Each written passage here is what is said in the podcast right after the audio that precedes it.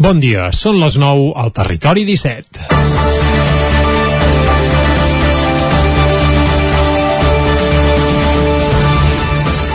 Els veïns d'Aigua Freda han decidit ser d'Osona. Ahir a la tarda es va fer públic el resultat del referèndum, perdó, se n'ha de dir procés participatiu, i el resultat va ser prou clar. Un 60% dels veïns volen passar a ser d'Osona i només un 35,4% volen quedar-se al Vallès Oriental.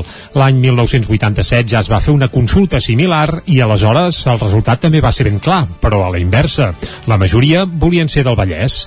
Aquella decisió, però, va estar marcada sobretot pels serveis hospitalaris hospitalaris. Granollers tenia un gran hospital i a Vic encara hi havia només el de la Santa Creu, envellit i desfasat. L'Hospital General no estava ni en obres. Ara, uns anys després, tot ha canviat i les generacions de joves, i no tan joves, segurament miren més cap a Osona que no pas cap al Vallès, ja que a Centelles hi tenen l'Institut de Referència des de fa dues dècades i culturalment, a més, el tarannà d'aigua freda potser s'acosta més a l'usonenc que no pas al Vallèsà. Si fem un cop d'ull a l'Star System d'aigua freda, també és ben evident que tiren més cap a Osona que no pas cap al Vallès. El més famós que ha sortit els darrers 10 anys de la població són els Catarres, que tenen les seues centelles i que es van criar mirant concerts a la plaça Major de Vic durant els mercats de música viva i no pas anant a l'ascensió de Granollers. Però vaja, per ser d'una comarca no està pas renyit amb anar de festa a la comarca veïna, només faltaria. Si no passa com l'1 d'octubre de 2017, doncs, en què el resultat d'una consulta va ser a paper mullat, d'aquí a poc, aigua freda, passarà a ser d'Osona. El proper pas seria que un ple municipal aprovi formalment el canvi i que demani també formalment el trasllat. Per nosaltres, però, el més important, tant pels partidaris d'Osona com pels del Vallès, és que aigua freda el que està clar és que seguirà sent territori 17. Aquí, sempre.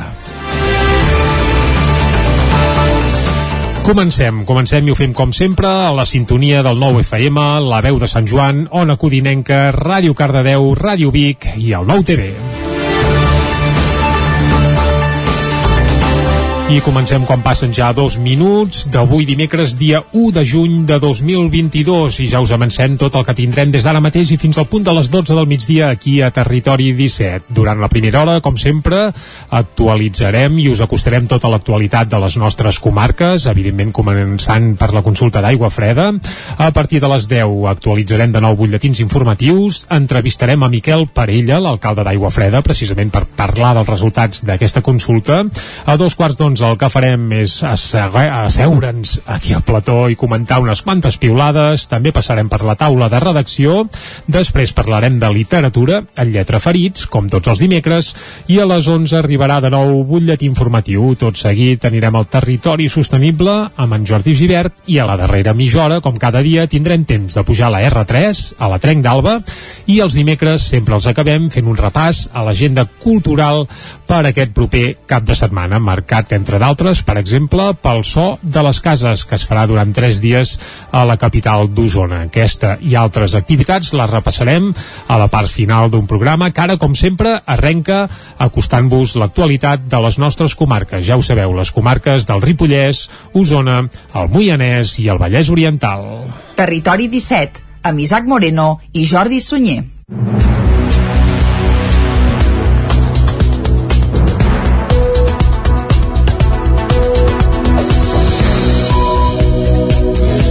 Ho dèiem en arrencar, els veïns d'Aigua Freda voten deixar el Vallès Oriental i passar a ser d'Osona.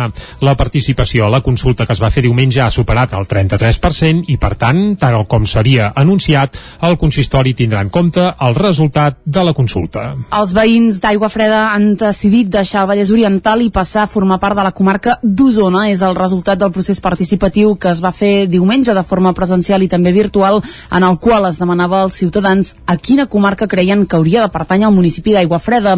Segons va fer públic l'Ajuntament a primera hora de la tarda d'ahir, el resultat és clar. Osona va rebre 624 vots, el 60,6%, i el Vallès Oriental 364 vots, el 35,4%.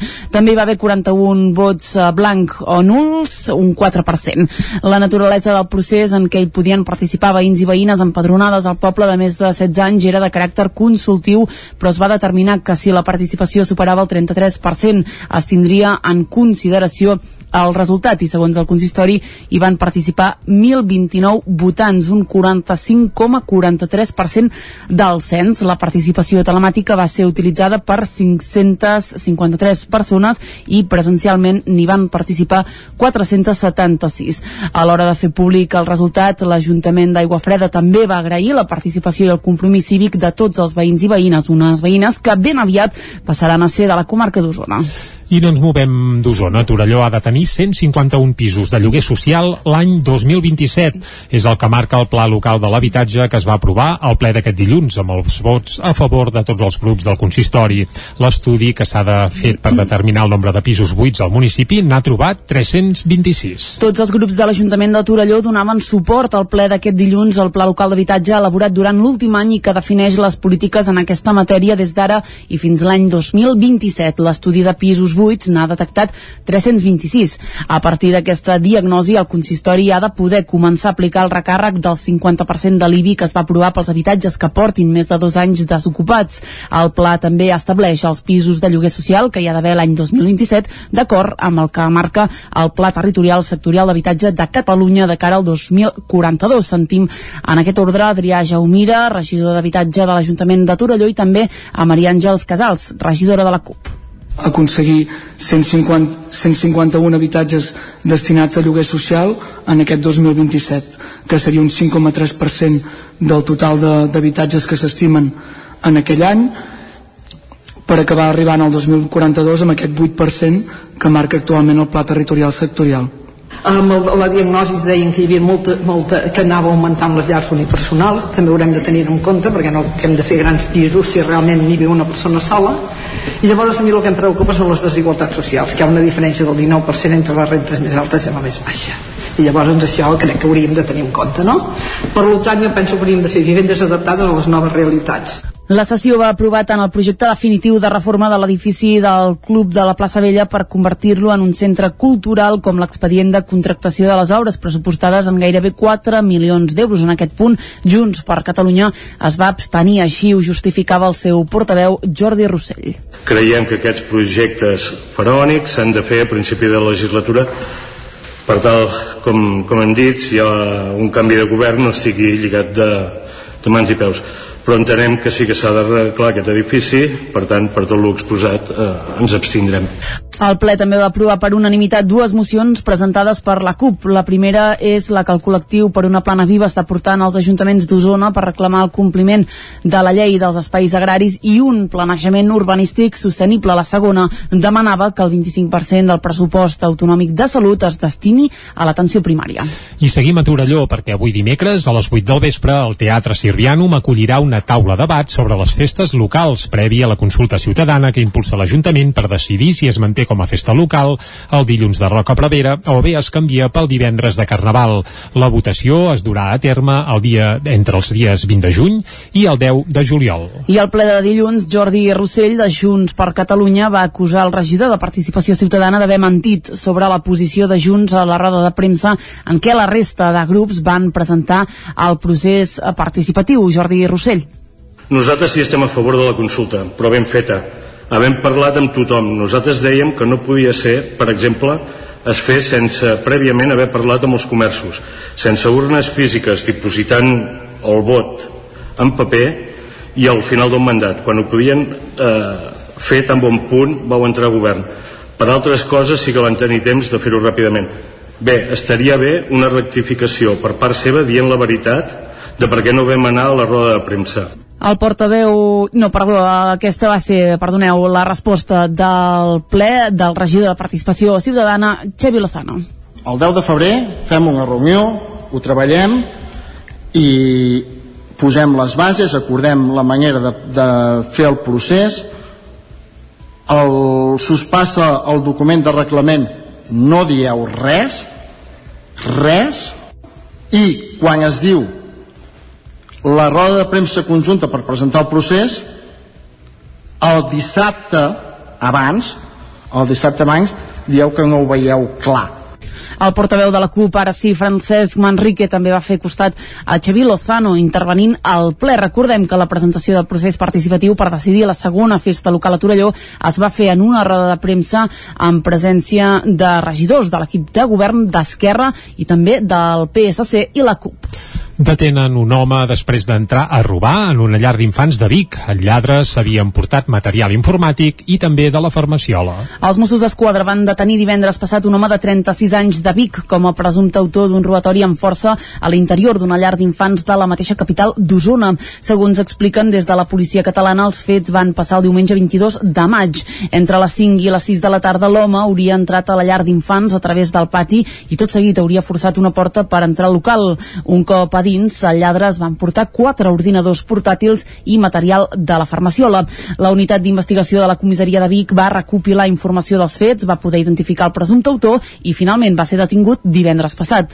L'endemà va passar a disposició judicial i finalment va quedar en llibertat amb càrrecs. Anem ara cap al Ripollès. Ripoll aposta per la millor il·luminació de la zona esportiva en els seus pressupostos participatius, mentre que Sant Joan de les Abadeses passen 67 propostes a la penúltima fase. Isaac Muntades, des de la veu de Sant Joan. El passat divendres, l'Ajuntament de Ripoll va presentar els resultats dels pressupostos participatius d'aquest 2022. Pel que fa a la partida d'inversions de 115.000 euros, va guanyar la proposta de millora de la il·luminació de la zona esportiva de Ripoll amb 158 vots. La segona posició va ser per l'arranjament del vial que va del pont de Calatrava fins al carrer Saltó amb 142 vots, mentre que dotar d'aire condicionat la biblioteca Lambert Mata només va rebre un vot menys que la segona proposta. A la partida de 15.000 euros destinats a serveis va guanyar el passeig de records, que servirà per fer passejades amb gent gran i mobilitat reduïda, tot recordant les seves vivències. La renovació de la cavalcada de Reis va rebre 140 vots i el Fer Ripoll, un festival de música per a tots els públics, 133 vots. La regidora de Participació Ciutadana, Dolors Vilalta, va destacar-ne la bona participació. Hi ha hagut molt bona participació, en total les persones que han votat són 1.108 persones i les podem dividir de la següent manera,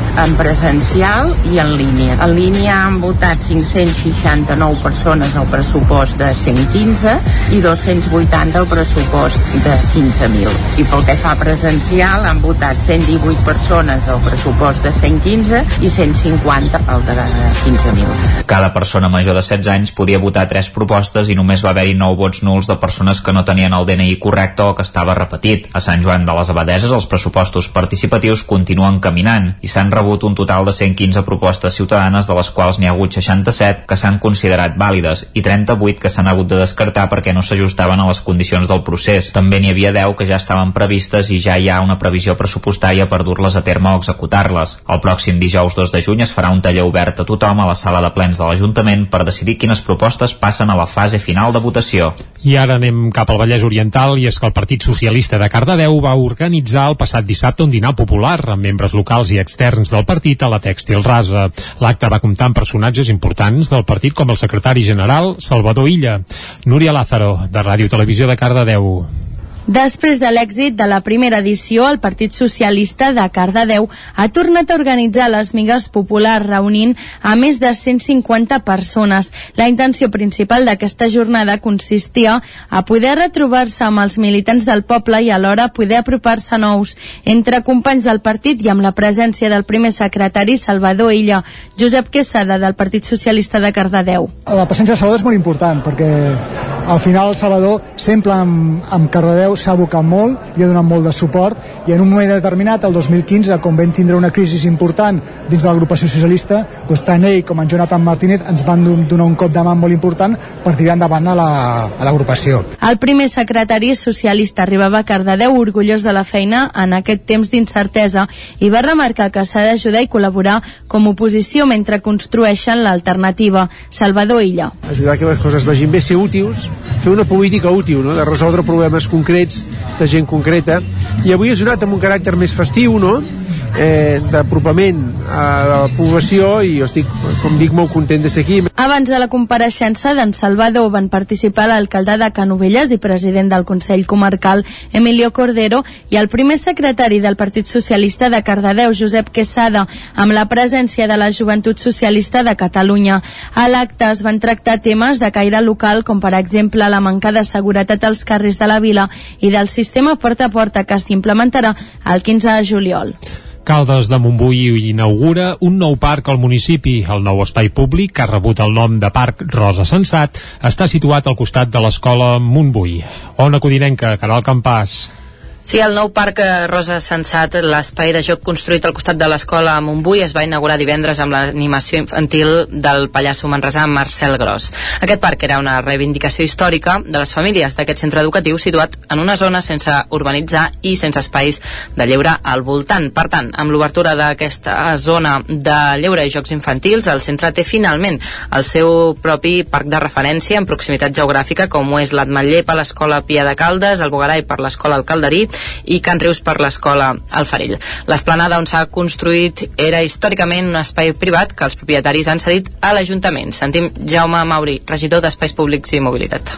Aquí abans hi havia unes basses antigues d'aigua municipal, vam fer un projecte d'enderroc, vam enderrocar la bassa, la vam omplir, i vam fer una, una planera que és d'uns 1.000 metres quadrats, que és on actualment està el parc. La tria de Rosa Sensat per denominar el parc forma part de les accions per la feminització dels noms d'espais públics amb la voluntat d'anar construint un nomenclàtor que visibilitzi la dona. Isidre Pineda, alcalde de Caldes. Tenim la previsió al llarg d'aquesta legislatura que hi hagin sis nous espais públics en àmbit feminista. El Parc de Rosa Sensat està dintre d'aquest projecte de visibilitzar referents femenins, evidentment un parc al costat d'una escola, doncs no se'ns acudia un millor, lloc, un millor nom que el d'una psicopedagoga, d'una mestra de referència del nostre país. La denominació d'aquest parc es va acordar al ple municipal d'abril juntament amb els noms de Mirador de la Ignasieta, el carrer Raval Canyelles i la plaça de les Bugaderes, al costat del safareig termal La Canaleta.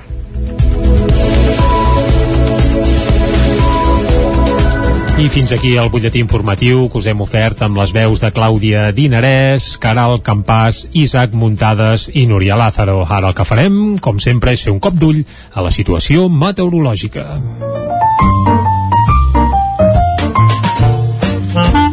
Casa Terradellos us ofereix el temps. I com sempre, aquest cop d'ull el fem acompanyats d'en Pep Acosta, a qui saludem de seguida, avui que és primer de juny. I segons en Pep Costa, segons la seva teoria, eh, l'estiu no comença per Sant Joan ni el 21 de juny, sinó ja directament l'1. Però això ens ho explicarà ara mateix. Bon dia, Pep. Hola, molt bon dia. I molt bona hora. Benvinguts a l'Espai del Temps. Gràcies, gràcies. Avui estarem més, Ah, el mes de juny. Mm -hmm. I per mi també estarem l'estiu. Ja sé que oficialment Sabem, sabem. avui no comença l'estiu, però sota el meu criteri eh, juny, juliol i agost és estiu. Són els tres mesos eh, més càlids de, de molt, de tot l'any. Els mesos on hi ha les tempestes famoses d'estiu. En definitiva, mm, per mi no s'ha d'esperar el 21 de juny perquè comença l'estiu, sinó que avui és el dia que comença, eh? Però, Molt bé, però, joder, però oficialment eh, és obvi que encara no, no comença, sinó que 20, fins a 21 de juny no ho farà. I es nota, es nota que comença el mes de juny, es nota- que comença l'estiu, perquè les temperatures mínimes van pujant, tenim aquesta mica de bombolla d'aire càlid eh, africana eh, gairebé a sobre eh, ahir també en tenia més calor eh, poques tempestes i és que aquesta entrada vents de sud ens proporciona això, temperatures més altes i molta, molta tranquil·litat, eh? no, no hi ha grans moviments meteorològics a la vista de moment, de moment.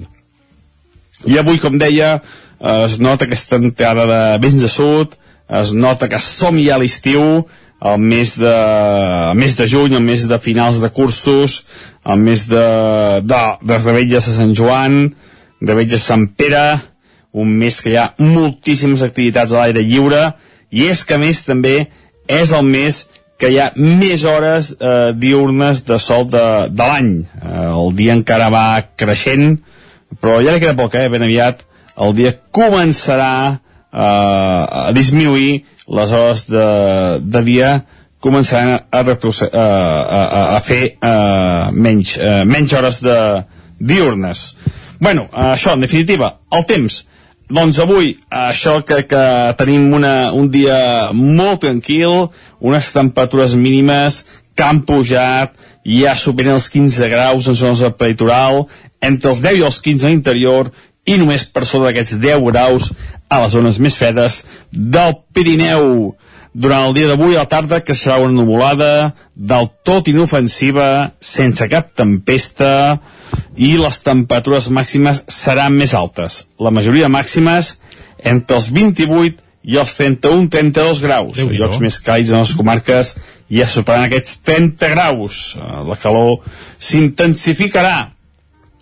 No, no hi ha possibilitat de tempestes perquè no, no, no, hi, ha, no hi ha aire fred en alçada, eh, en definitiva, mm, un temps molt, molt, molt tranquil i, i típic ja d'aquestes dates eh, de, de, d'estiuenques eh, que, que fa això, eh, és, és els, els, els dies que fa més calor i més sol de tot l'any. I això és tot. Moltes gràcies. Vinga, Adeu. Gràcies a tu, Pep, i ens quedem amb això, eh, que avui comença l'estiu. Si més no, segons en Pep Acosta. Doncs vinga, va, bon estiu i tant de bo no vinguin les calorades que van anar associades a fa una desena de dies amb un cap de setmana que va ser asfixiant. Doncs va, amb calor sense, el que farem ara és anar d'excursió cap al quiosc. Anem-hi. Casa Tarradellas us ha ofert aquest espai. Territori 17. Envia'ns les teves notes de veu per WhatsApp al 646 079 023. 646 079 023. WhatsApp Territori 17.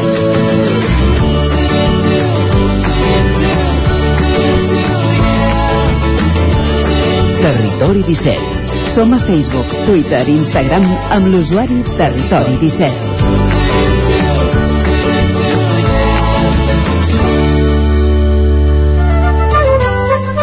Doncs vinga, entrem al quiosc, avui acompanyats de la Clàudia Dinarès. Bon dia de nou, Clàudia. Molt bon dia.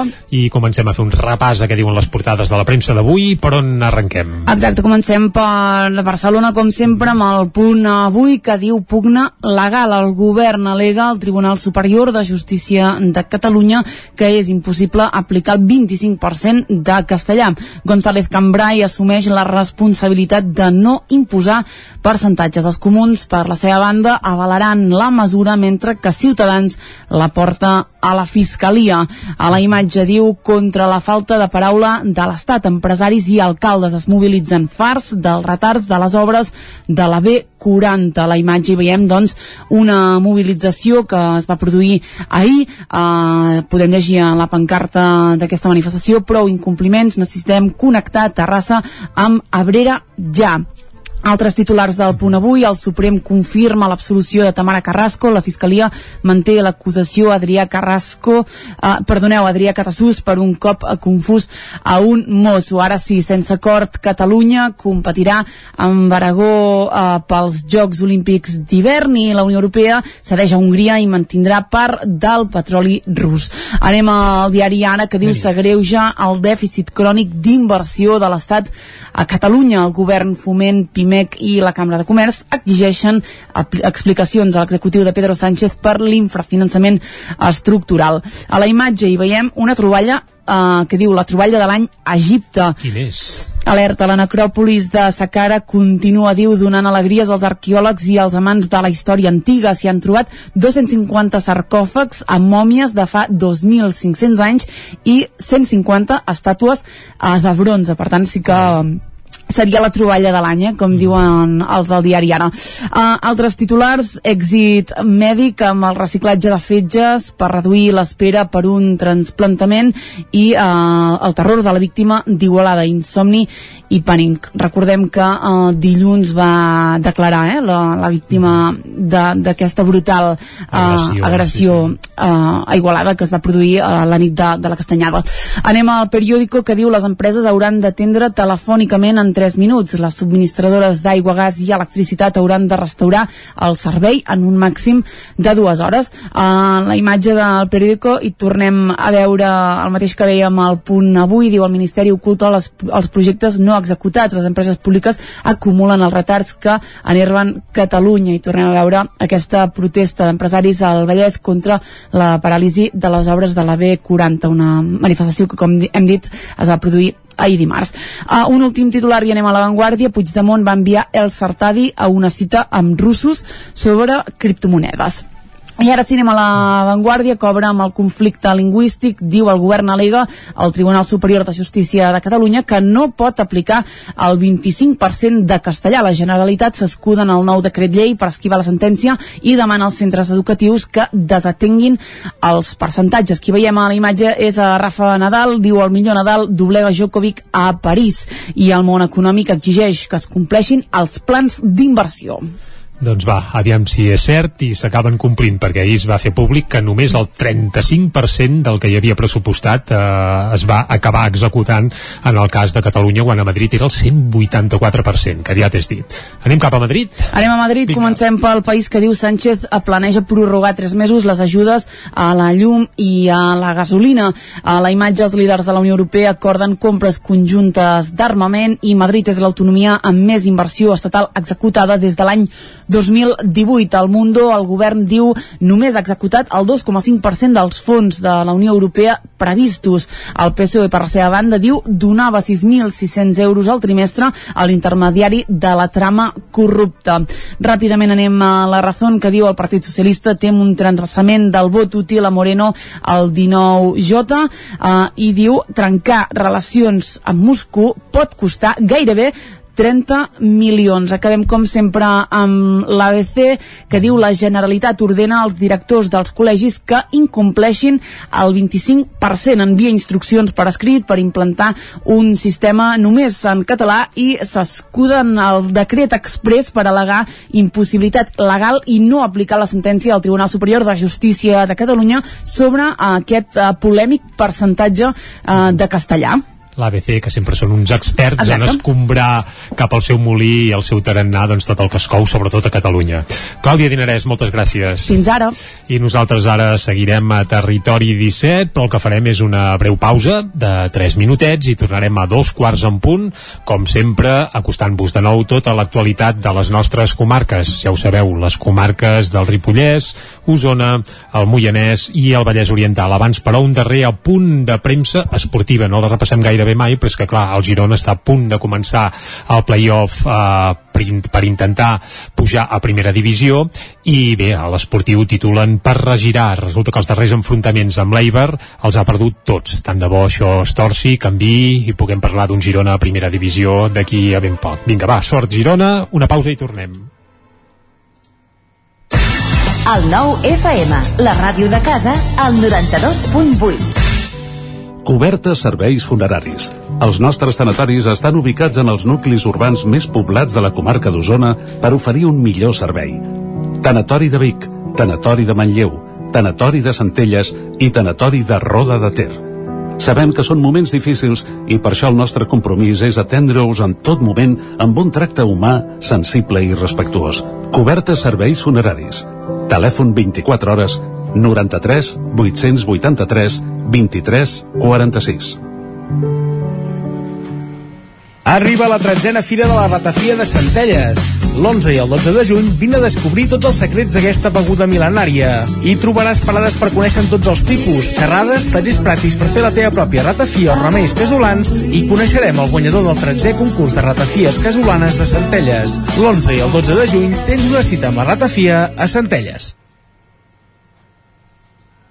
Cocodril Club. Si t'agrada la bona música dels anys 60, 70 i 80, escolta el 9 FM als matins de dissabtes i diumenges d'11 a 1. És el temps del Cocodril Club, tot un clàssic de la ràdio, amb les bases del pop-rock, les llegendes, les cançons que s'han convertit en autèntics himnes. Recorda, dissabtes i diumenges al matí, d'11 a 1, al 9 FM 92.8. Cocodril Club, el programa revival de l'Albert Malla. Hasta luego, cocodrilo. Sherlock Holmes ha mort i Watson necessita la vostra ajuda per tornar enrere en el temps i trobar el punt exacte per salvar-lo del parany de Moriarty. Posa't en la pell del detectiu britànic i resol tots els enigmes en menys de 60 minuts per poder escapar. Elementary Escape Room de Vic, una aventura per a tota la família. Fes la teva reserva per WhatsApp amb el codi La Ràdio de Sherlock i aconseguiràs un 10% de descompte. Ens trobaràs de dijous a diumenge al carrer de la Fusina 22 de Vic per telèfon i WhatsApp al 622 85 54 17 o elementary.cat. Per Aigües Vic, disminuir l'impacte de la nostra activitat en el medi natural és una prioritat. Any rere any treballem per una transició energètica en tots els nostres processos que incrementi el compromís climàtic i garanteixi una gran eficiència. Per això seguim apostant per aconseguir una major reducció d'emissions de CO2. 5 de juny, Dia Mundial del Medi Ambient. Aigües Vic, amb tu, clars com l'aigua. Anuncia't al 9FM. La màquina de casa. 9 3 8 8 9 4 9 4 9. Publicitat arroba al 9FM.cat. Anuncia't al 9FM. La publicitat més eficaç. El 9FM. Territori 17, amb Isaac Moreno i Jordi Sunyer.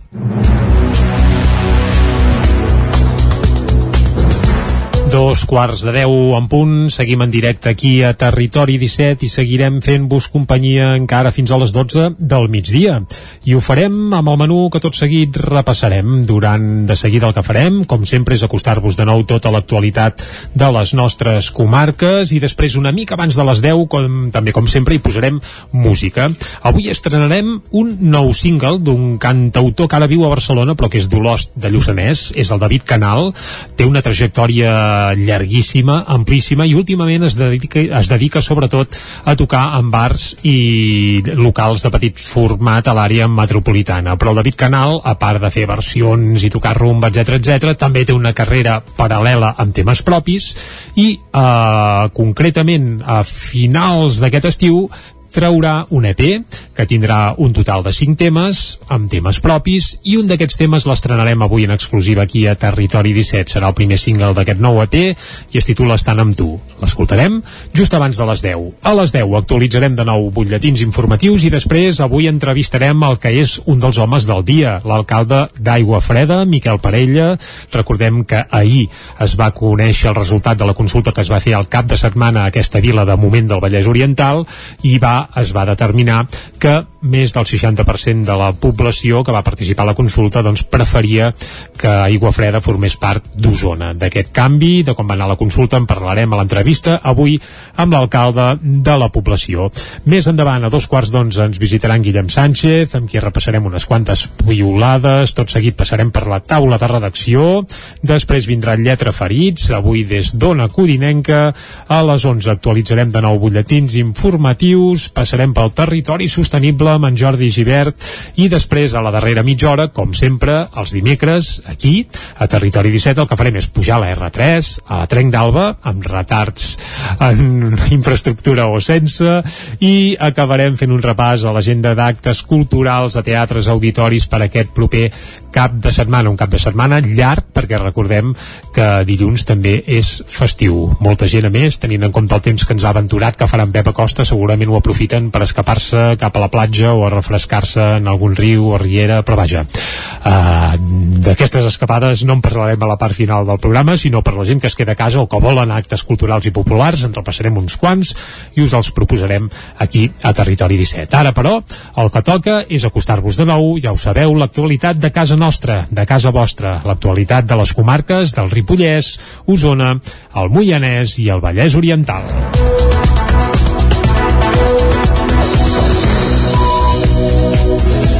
Ho dèiem en arrencar, els veïns d'Aigua Freda voten deixar el Vallès Oriental i passar a ser d'Osona.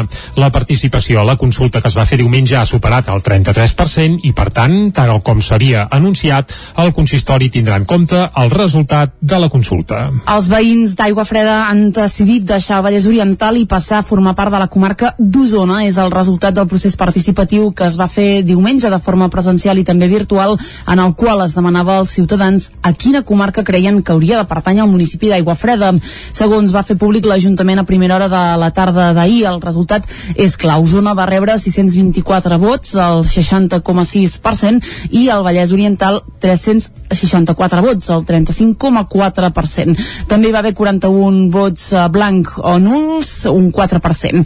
La naturalesa del procés en què hi podien participar veïns i veïnes empadronades al poble de més de 16 anys era de caràcter consultiu, però es va determinar que si la participació superava el 33% es tindria en consideració el resultat i segons el consistori hi van participar 1.029 votants, un 45,43% del cens. La participació telemàtica va ser utilitzada per 553 persones i presencialment n'hi van participar 476. A l'hora de fer públic el resultat, l'Ajuntament d'Aigua Freda també va agrair la participació i el compromís cívic de tots els veïns i veïnes, unes veïnes que ben aviat passaran a ser de la comarca d'Osona. I no ens movem d'Osona. Torelló ha de tenir 151 pisos de lloguer social l'any 2027. És el que marca el Pla Local de l'Habitatge que es va aprovar al ple d'aquest dilluns amb els vots a favor de tots els grups del consistori.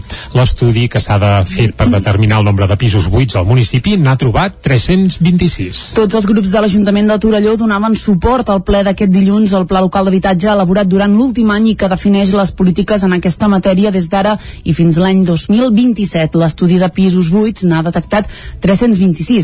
A partir d'aquesta diagnosi, el consistori ha de poder començar a aplicar el recàrrec del 50% de l'IBI que es va aprovar pels habitatges que portin més de dos anys desocupats. El pla també estableix els pisos de lloguer social que hi ha d'haver l'any 2027, d'acord amb el que marca el Pla Territorial Sectorial d'Habitatge de Catalunya de cara al 2042. Sentim en aquest ordre Adrià Jaumira, regidor d'Habitatge de l'Ajuntament de Torelló i també a Maria Àngels Casals, regidora de la CUP aconseguir 150, 151 habitatges destinats a lloguer social en aquest 2027, que seria un 5,3% del total d'habitatges que s'estimen en aquell any, per acabar arribant al 2042 amb aquest 8% que marca actualment el Pla Territorial Sectorial. Amb el, la diagnosi ens deien que hi havia molta, molta, que anava augmentant les llars unipersonals, també haurem de tenir en compte perquè no que hem de fer grans pisos si realment n'hi viu una persona sola. I llavors a mi el que em preocupa són les desigualtats socials, que hi ha una diferència del 19% entre les rentes més altes i la més baixa. I llavors doncs, això crec que hauríem de tenir en compte no? per tant jo penso que hauríem de fer vivendes adaptades a les noves realitats la sessió va aprovar tant el projecte definitiu de reforma de l'edifici del Club de la plaça Vella per convertir-lo en un centre cultural com l'expedient de contractació de les obres pressupostades en gairebé 4 milions d'euros. En aquest punt, Junts per Catalunya es va abstenir, així ho justificava el seu portaveu Jordi Rossell. Creiem que aquests projectes faraònics s'han de fer a principi de legislatura per tal, com, com hem dit, si hi ha un canvi de govern no estigui lligat de, de mans i peus però entenem que sí que s'ha d'arreglar aquest edifici, per tant, per tot l'exposat eh, ens abstindrem. El ple també va aprovar per unanimitat dues mocions presentades per la CUP. La primera és la que el col·lectiu per una plana viva està portant als ajuntaments d'Osona per reclamar el compliment de la llei dels espais agraris i un planejament urbanístic sostenible. La segona demanava que el 25% del pressupost autonòmic de salut es destini a l'atenció primària. I seguim a Torelló perquè avui dimecres a les 8 del vespre el Teatre Sirvianum acollirà una taula de debat sobre les festes locals prèvia a la consulta ciutadana que impulsa l'Ajuntament per decidir si es manté com a festa local el dilluns de Roca Prevera o bé es canvia pel divendres de Carnaval. La votació es durà a terme el dia entre els dies 20 de juny i el 10 de juliol. I al ple de dilluns, Jordi Rossell, de Junts per Catalunya, va acusar el regidor de Participació Ciutadana d'haver mentit sobre la posició de Junts a la roda de premsa en què la resta de grups van presentar el procés participatiu. Jordi Rossell. Nosaltres sí estem a favor de la consulta, però ben feta. Havent parlat amb tothom, nosaltres dèiem que no podia ser, per exemple, es fes sense prèviament haver parlat amb els comerços, sense urnes físiques dipositant el vot en paper i al final d'un mandat, quan ho podien eh, fer tan bon punt vau entrar a govern. Per altres coses sí que van tenir temps de fer-ho ràpidament. Bé, estaria bé una rectificació per part seva dient la veritat de per què no vam anar a la roda de premsa. El portaveu, no, perdó, aquesta va ser, perdoneu, la resposta del ple del regidor de Participació Ciutadana, Xevi Lozano. El 10 de febrer fem una reunió, ho treballem i posem les bases, acordem la manera de, de fer el procés, el, s'us passa el document de reglament, no dieu res, res, i quan es diu la roda de premsa conjunta per presentar el procés el dissabte abans el dissabte abans dieu que no ho veieu clar El portaveu de la CUP, ara sí, Francesc Manrique, també va fer costat a Xavi Lozano intervenint al ple. Recordem que la presentació del procés participatiu per decidir la segona festa local a Torelló es va fer en una roda de premsa amb presència de regidors de l'equip de govern d'Esquerra i també del PSC i la CUP. Detenen un home després d'entrar a robar en una llar d'infants de Vic. El lladre s'havia emportat material informàtic i també de la farmaciola. Els Mossos d'Esquadra van detenir divendres passat un home de 36 anys de Vic com a presumpte autor d'un robatori amb força a l'interior d'una llar d'infants de la mateixa capital d'Osona. Segons expliquen des de la policia catalana, els fets van passar el diumenge 22 de maig. Entre les 5 i les 6 de la tarda l'home hauria entrat a la llar d'infants a través del pati i tot seguit hauria forçat una porta per entrar al local. Un cop a dins, el lladre es van portar quatre ordinadors portàtils i material de la farmaciola. La unitat d'investigació de la comissaria de Vic va recopilar informació dels fets, va poder identificar el presumpte autor i finalment va ser detingut divendres passat. L'endemà va passar a disposició judicial i finalment va quedar en llibertat amb càrrec. Anem ara cap al Ripollès. Ripoll aposta per la millor il·luminació de la zona esportiva en els seus pressupostos participatius, mentre que Sant Joan de les Abadeses passen 67 propostes a la penúltima fase. Isaac Muntades, des de la veu de Sant Joan. El passat divendres, l'Ajuntament de Ripoll va presentar els resultats dels pressupostos participatius d'aquest 2022. Pel que fa a la partida d'inversions de 115.000 euros, va guanyar la proposta de millora de la il·luminació de la zona esportiva de Ripoll amb 158 vots. La segona posició va ser per l'arranjament del vial que va del pont de Calatrava fins al carrer Saltó amb 142 vots, mentre que dotar d'aire condicionat la biblioteca Lambert Mata només va rebre un vot menys que la segona proposta. A la partida de 15.000 euros destinats a serveis va guanyar el passeig de records, que servirà per fer passejades amb gent gran i mobilitat reduïda, tot recordant les seves vivències. La renovació de la cavalcada de Reis va rebre 140 vots i el Fer Ripoll, un festival de música per a tots els públics, 133 vots. La regidora de Participació Ciutadana, Dolors Vilalta, va destacar-ne la bona participació. Hi ha hagut molt bona participació, en total les persones que han votat són 1.108 persones i les podem dividir de la següent manera, en presencial i en línia. En línia han votat 569 persones al pressupost de 115 i 280 al pressupost de 15.000. I pel que fa presencial han votat 118 persones al pressupost de 115 i 150 al de 15.000. Cada persona major de 16 anys podia votar tres propostes i només va haver-hi 9 vots nuls de persones que no tenien el DNI correcte o que estava repetit. A Sant Joan de les Abadeses els pressupostos participatius continuen caminant i s'han rebut un total de 115 propostes ciutadanes de les quals n'hi ha hagut 67 que s'han considerat vàlides i 38 que s'han hagut de descartar perquè no s'ajustaven a les condicions del procés. També n'hi havia 10 que ja estaven previstes i ja hi ha una previsió pressupostària per dur-les a terme o executar-les. El pròxim dijous 2 de juny es farà un taller obert a tothom a la sala de plens de l'Ajuntament per decidir quines propostes passen a la fase final de votació. I ara anem cap al Vallès Oriental i és que el Partit Socialista de Cardedeu va organitzar el passat dissabte un dinar popular amb membres locals i externs del partit a la Tèxtil Rasa. L'acte va comptar amb personatges importants del partit com el secretari general Salvador Illa. Núria Lázaro, de Ràdio Televisió de Cardedeu.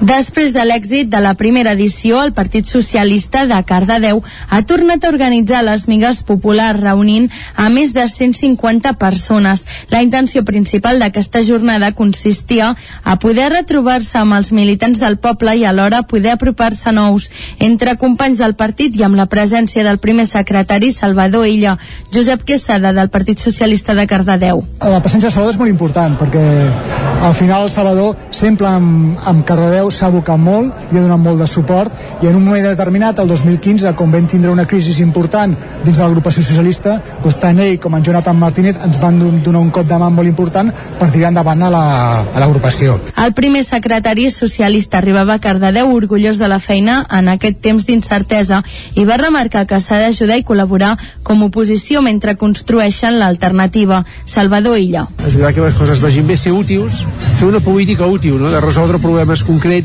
de gent concreta i avui és donat amb un caràcter més festiu no? eh, d'apropament a la població i jo estic, com dic, molt content de ser aquí. Abans de la compareixença d'en Salvador van participar l'alcalde de Canovelles i president del Consell Comarcal Emilio Cordero i el primer secretari del Partit Socialista de Cardedeu, Josep Quesada, amb la presència de la Joventut Socialista de Catalunya. A l'acte es van tractar temes de caire local com per exemple la manca de seguretat als carrers de la vila i del sistema porta a porta que s'implementarà el 15 de juliol. Caldes de Montbui inaugura un nou parc al municipi. El nou espai públic, que ha rebut el nom de Parc Rosa Sensat, està situat al costat de l'escola Montbui. Ona Codinenca, Caral Campàs. Sí, el nou parc eh, Rosa Sensat, l'espai de joc construït al costat de l'escola Montbui, es va inaugurar divendres amb l'animació infantil del pallasso manresà Marcel Gros. Aquest parc era una reivindicació històrica de les famílies d'aquest centre educatiu situat en una zona sense urbanitzar i sense espais de lleure al voltant. Per tant, amb l'obertura d'aquesta zona de lleure i jocs infantils, el centre té finalment el seu propi parc de referència en proximitat geogràfica, com ho és l'Atmetller per l'escola Pia de Caldes, el Bogarai per l'escola El Calderí i Can Rius per l'escola Alfarell. L'esplanada on s'ha construït era històricament un espai privat que els propietaris han cedit a l'Ajuntament. Sentim Jaume Mauri, regidor d'Espais Públics i Mobilitat. Aquí abans hi havia unes basses antigues d'aigua municipal, vam fer un projecte d'enderroc, vam enderrocar la bassa, la vam omplir, i vam fer una, una planera que és d'uns 1.000 metres quadrats, que és on actualment està el parc. La tria de Rosa Sensat per denominar el parc forma part de les accions per la feminització dels noms d'espais públics amb la voluntat d'anar construint un nomenclàtor que visibilitzi la dona. Isidre Pineda, alcalde de Caldes. Tenim la previsió al llarg d'aquesta legislatura que hi hagin sis nous espais públics en àmbit feminista. El Parc de Rosa Sensat està dintre d'aquest projecte de visibilitzar referents femenins, evidentment un parc al costat d'una escola, doncs no se'ns acudia un millor lloc, un millor nom que el d'una psicopedagoga, d'una mestra de referència del nostre país. La denominació d'aquest parc es va acordar al ple municipal d'abril juntament amb els noms de Mirador de la Ignasieta, el carrer Ravalcanyelles i la plaça de les Bugaderes, al costat del safareig termal La Canaleta.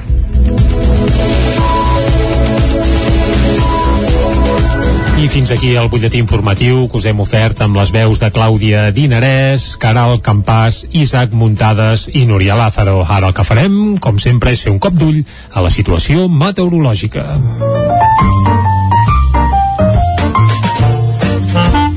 Casa Terradellos us ofereix el temps. I com sempre, aquest cop d'ull el fem acompanyats d'en Pep Acosta, a qui saludem de seguida, avui que és primer de juny. I segons en Pep Costa, segons la seva teoria, eh, l'estiu no comença per Sant Joan ni el 21 de juny, sinó ja directament l'1. Però això ens ho explicarà ara mateix. Bon dia, Pep.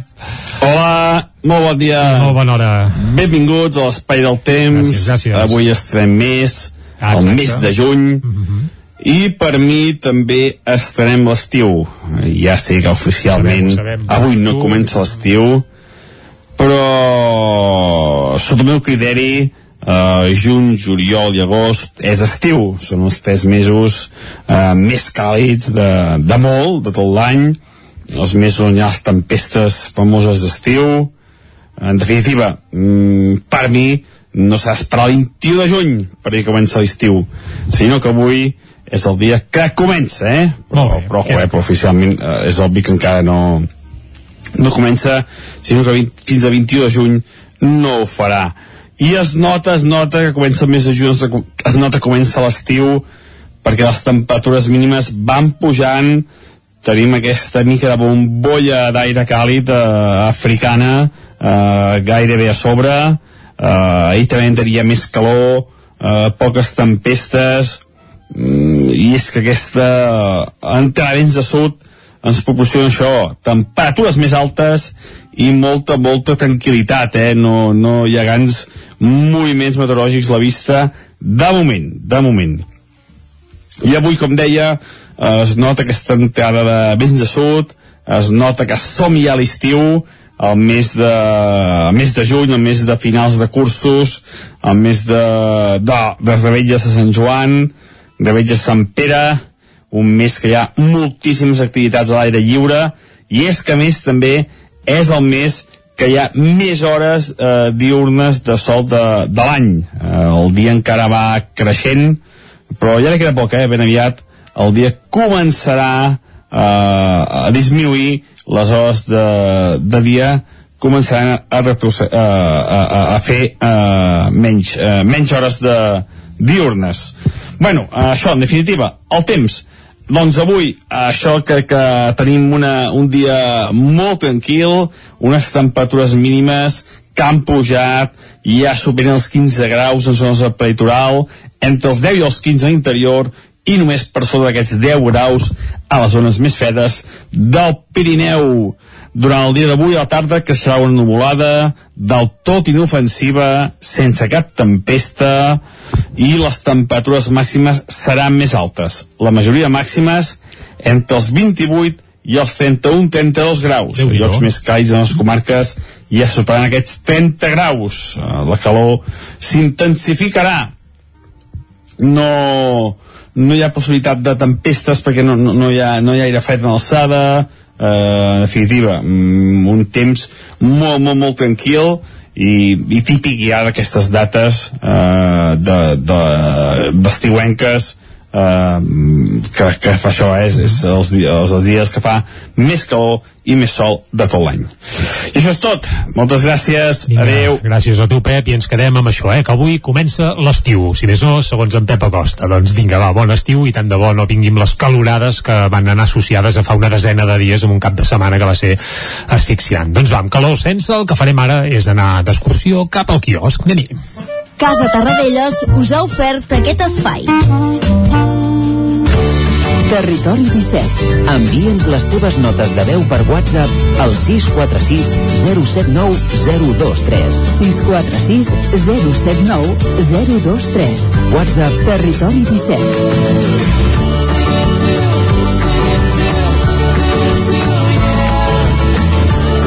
Territori 17. Som a Facebook, Twitter i Instagram amb l'usuari Territori 17.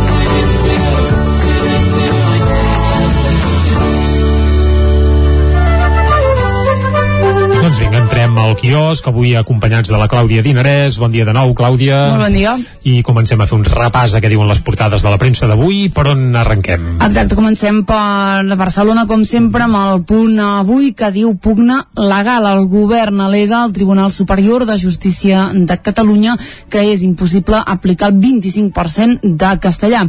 González Cambrai assumeix la responsabilitat de no imposar percentatges. Els comuns, per la seva banda, avalaran la mesura mentre que Ciutadans la porta a la Fiscalia. A la imatge diu contra la falta de paraula de l'Estat. Empresaris i alcaldes es mobilitzen farts dels retards de les obres de la B40. A la imatge hi veiem doncs una mobilització que es va produir ahir. Eh, podem llegir a la pancarta d'aquesta manifestació prou incompliments, necessitem connectar Terrassa amb Abrera ja. Altres titulars del punt avui, el Suprem confirma l'absolució de Tamara Carrasco, la Fiscalia manté l'acusació a Adrià Carrasco, eh, perdoneu, Adrià Catassús per un cop confús a un mosso. Ara sí, sense acord, Catalunya competirà amb Aragó eh, pels Jocs Olímpics d'hivern i la Unió Europea cedeix a Hongria i mantindrà part del petroli rus. Anem al diari Ara que diu s'agreuja el dèficit crònic d'inversió de l'Estat a Catalunya. El govern foment PIMEC i la Cambra de Comerç exigeixen explicacions a l'executiu de Pedro Sánchez per l'infrafinançament estructural. A la imatge hi veiem una troballa eh, que diu la troballa de l'any a Egipte. Quin és? Alerta, la necròpolis de Saqqara continua, diu, donant alegries als arqueòlegs i als amants de la història antiga. S'hi han trobat 250 sarcòfags amb mòmies de fa 2.500 anys i 150 estàtues eh, de bronze. Per tant, sí que seria la troballa de l'any, eh, com diuen els del diari ara. Uh, altres titulars, èxit mèdic amb el reciclatge de fetges per reduir l'espera per un transplantament i uh, el terror de la víctima d'Igualada, insomni i pànic. Recordem que uh, dilluns va declarar eh, la, la víctima de- d'aquesta brutal uh, Agressió, agressió uh, a Igualada que es va produir a la nit de, de la Castanyada. Anem al periòdico que diu les empreses hauran d'atendre telefònicament en 3 minuts. Les subministradores d'aigua, gas i electricitat hauran de restaurar el servei en un màxim de dues hores. Uh, la imatge del periòdico i tornem a veure el mateix que veiem al punt avui, diu el Ministeri oculta les, els projectes no executats. Les empreses públiques acumulen els retards que enerven Catalunya i tornem a veure aquesta protesta d'empresaris al Vallès contra la paràlisi de les obres de la B40, una manifestació que, com hem dit, es va produir ahir dimarts. Uh, un últim titular i anem a l'avantguàrdia. Puigdemont va enviar el Sartadi a una cita amb russos sobre criptomonedes.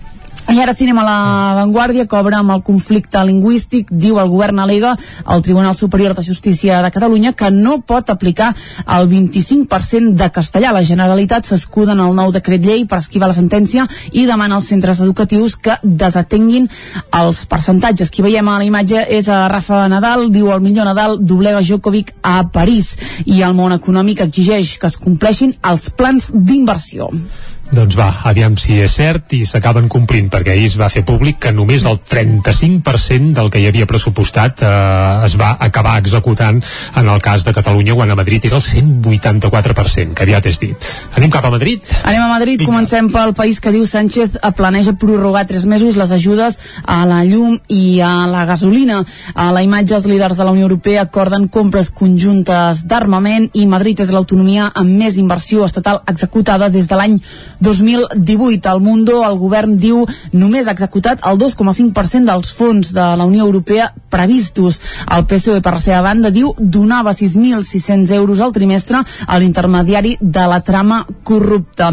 Ràpidament anem a la raó que diu el Partit Socialista tem un transversament del vot útil a Moreno al 19J eh, i diu trencar relacions amb Moscou pot costar gairebé 30 milions. Acabem, com sempre, amb l'ABC, que diu la Generalitat ordena als directors dels col·legis que incompleixin el 25%. Envia instruccions per escrit per implantar un sistema només en català i s'escuden el decret express per al·legar impossibilitat legal i no aplicar la sentència del Tribunal Superior de Justícia de Catalunya sobre aquest uh, polèmic percentatge uh, de castellà.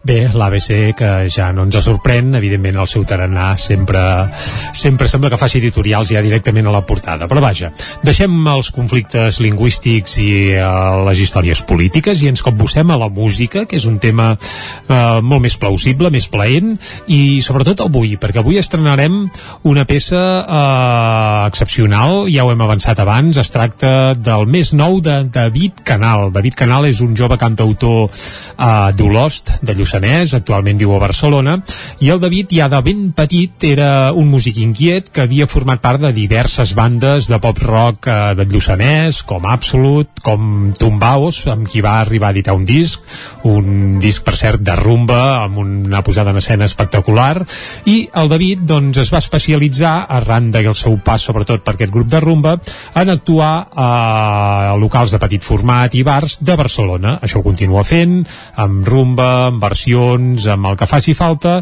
però des de fa uns quants anys també ha començat a escriure cançons pròpies.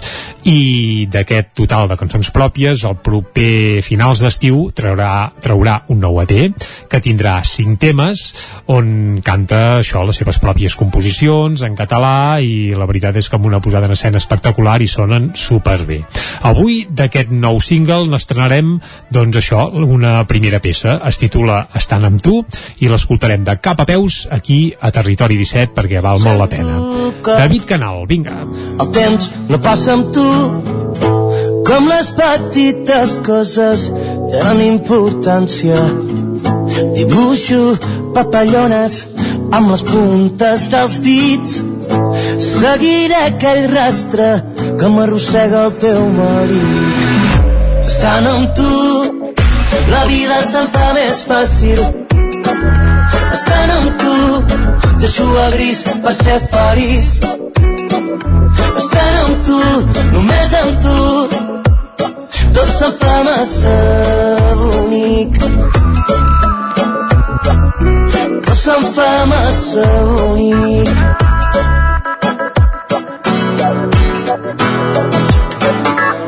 des de la finestra et vaig veure quan tot el món estava amagat va sorgir lo inesperat. Aquella xispa, aquell instant que tot m'ho va, m'ho va canviar. Si és un somni no vull despertar. Em vull quedar amb tu atrapat. Estant amb tu. La vida se'm fa més fàcil. Estant amb tu. Deixo el gris per ser feliç. Estant amb tu, se fa massa bonic se'n fa massa bonic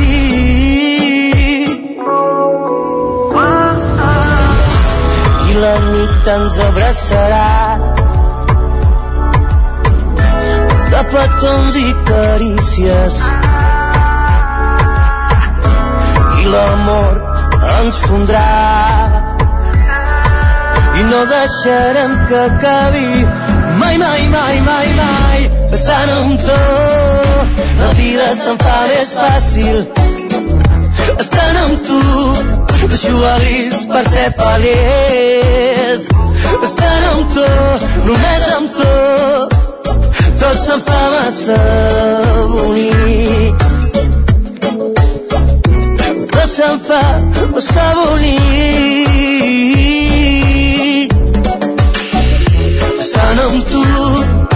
la vida se'n fa més fàcil estant amb tu. Deixo el gris per ser feliç estant amb tu només amb tu. Tot se'n fa massa bonic tot se'n fa massa bonic. Tot se'n fa massa bonic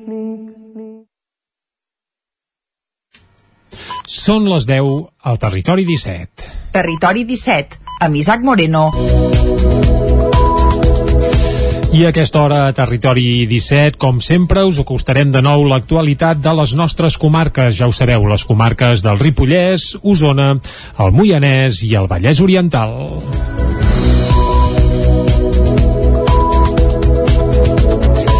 I comencem anant cap al Ripollès perquè Esquerra Republicana de Sant Joan de les Abadesses recrimina a l'Ajuntament que el deute i els impostos s'incrementin. Isaac Muntades, des de la veu de Sant Joan.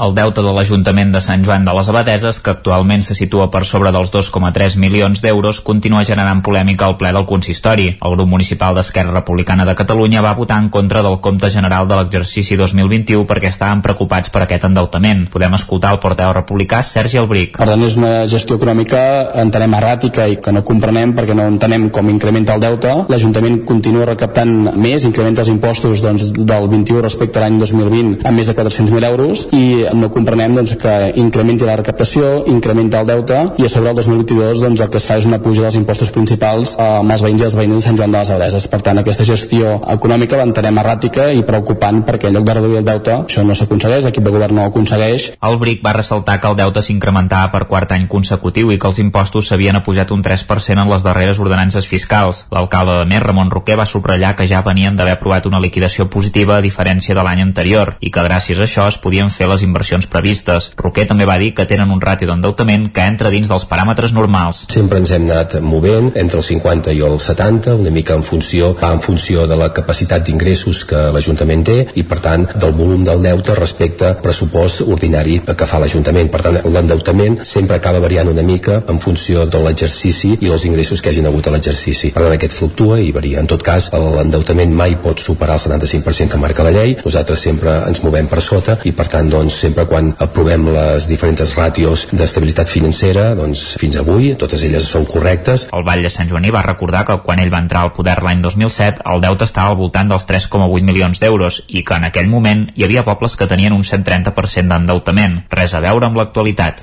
I del Ripollès anem cap al Vallès Oriental perquè a Caldes de Montbuí una trentena de persones s'han interessat per la gestió dels horts domèstics de la Torre Marimón durant la segona jornada d'horticultura. Ona Codinenca, Caral Campàs.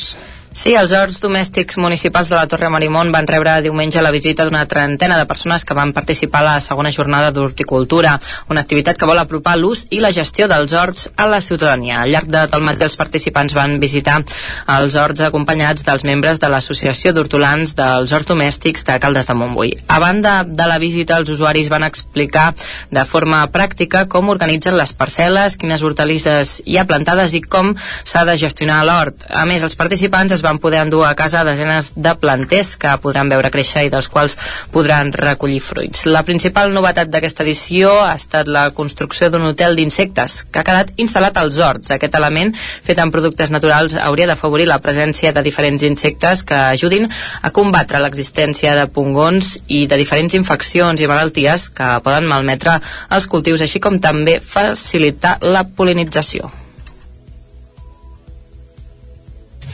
Molt bé, doncs deixem a Caldes de Montbui i anem ara cap a Cardedeu perquè el Clan del Clàssic va organitzar diumenge la vuitena edició de la trobada de vehicles clàssics a Cardedeu. Cotxes de totes les marques i models es van trobar al passeig mestre Alexandri que va acollir 118 vehicles de la comarca i també arribats d'altres punts del territori català. Ens ho explica Núria Lázaro des de Ràdio Televisió de Cardedeu. Tenir més de 25 anys, aquest és l'únic requisit per poder ser considerat un vehicle clàssic.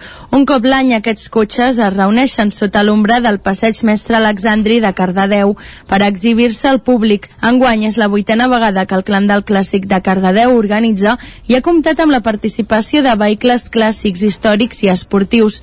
Cotxes com en d'en Josep, un MG UTA, cotxe anglès del 1939.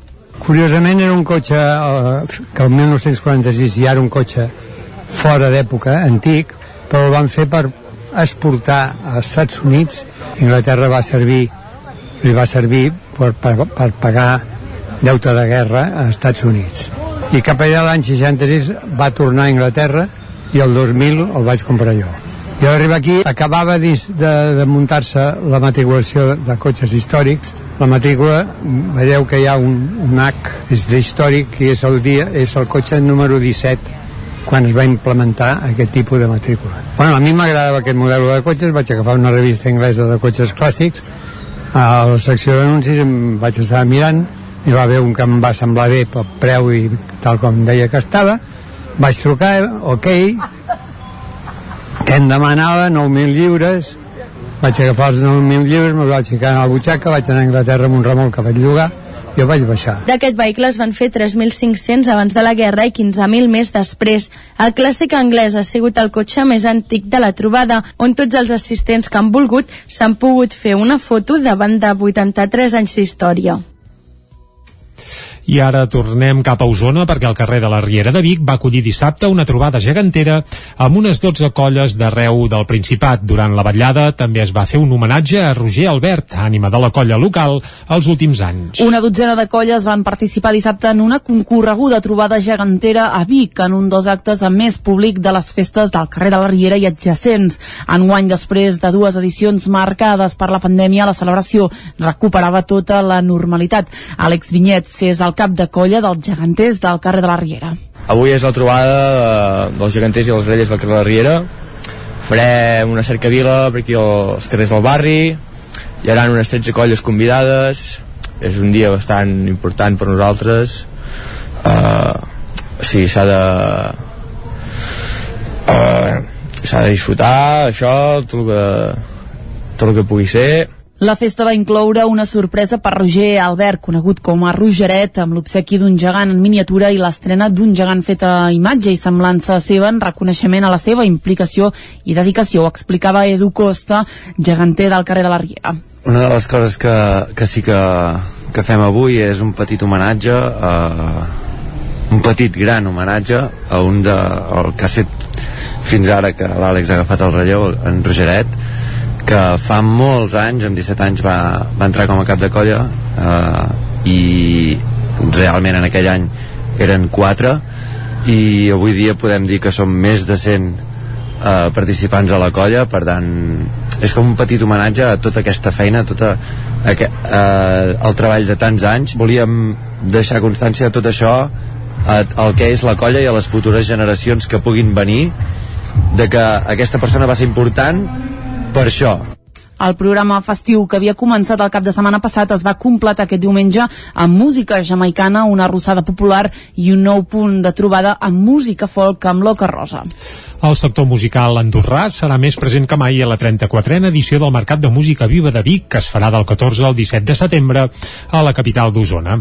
Així ho estableix el conveni de col·laboració signat entre el regidor de Fires i Mercats de l'Ajuntament de Vic, Titi Roca, i la directora de Promoció Cultural del Govern d'Andorra, Montse Planelles. L'objectiu és aprofitar l'aparador internacional que és el Mercat de Música Viva de Vic per promocionar el sector musical del Principat d'Andorra a través de segells, representants i programadors andorrans que del 14 al 17 de setembre seran a la capital usonenca. També hi actuaran els andorrans Quic Barroc i Baptista Ervin, una formació liderada per l'andorrà Enric Bartomeu, que ha estat escollida per la direcció artística del Mercat i que formarà part de la programació oficial. Ho explica la directora de promoció cultural del govern andorrà, Montse Planelles.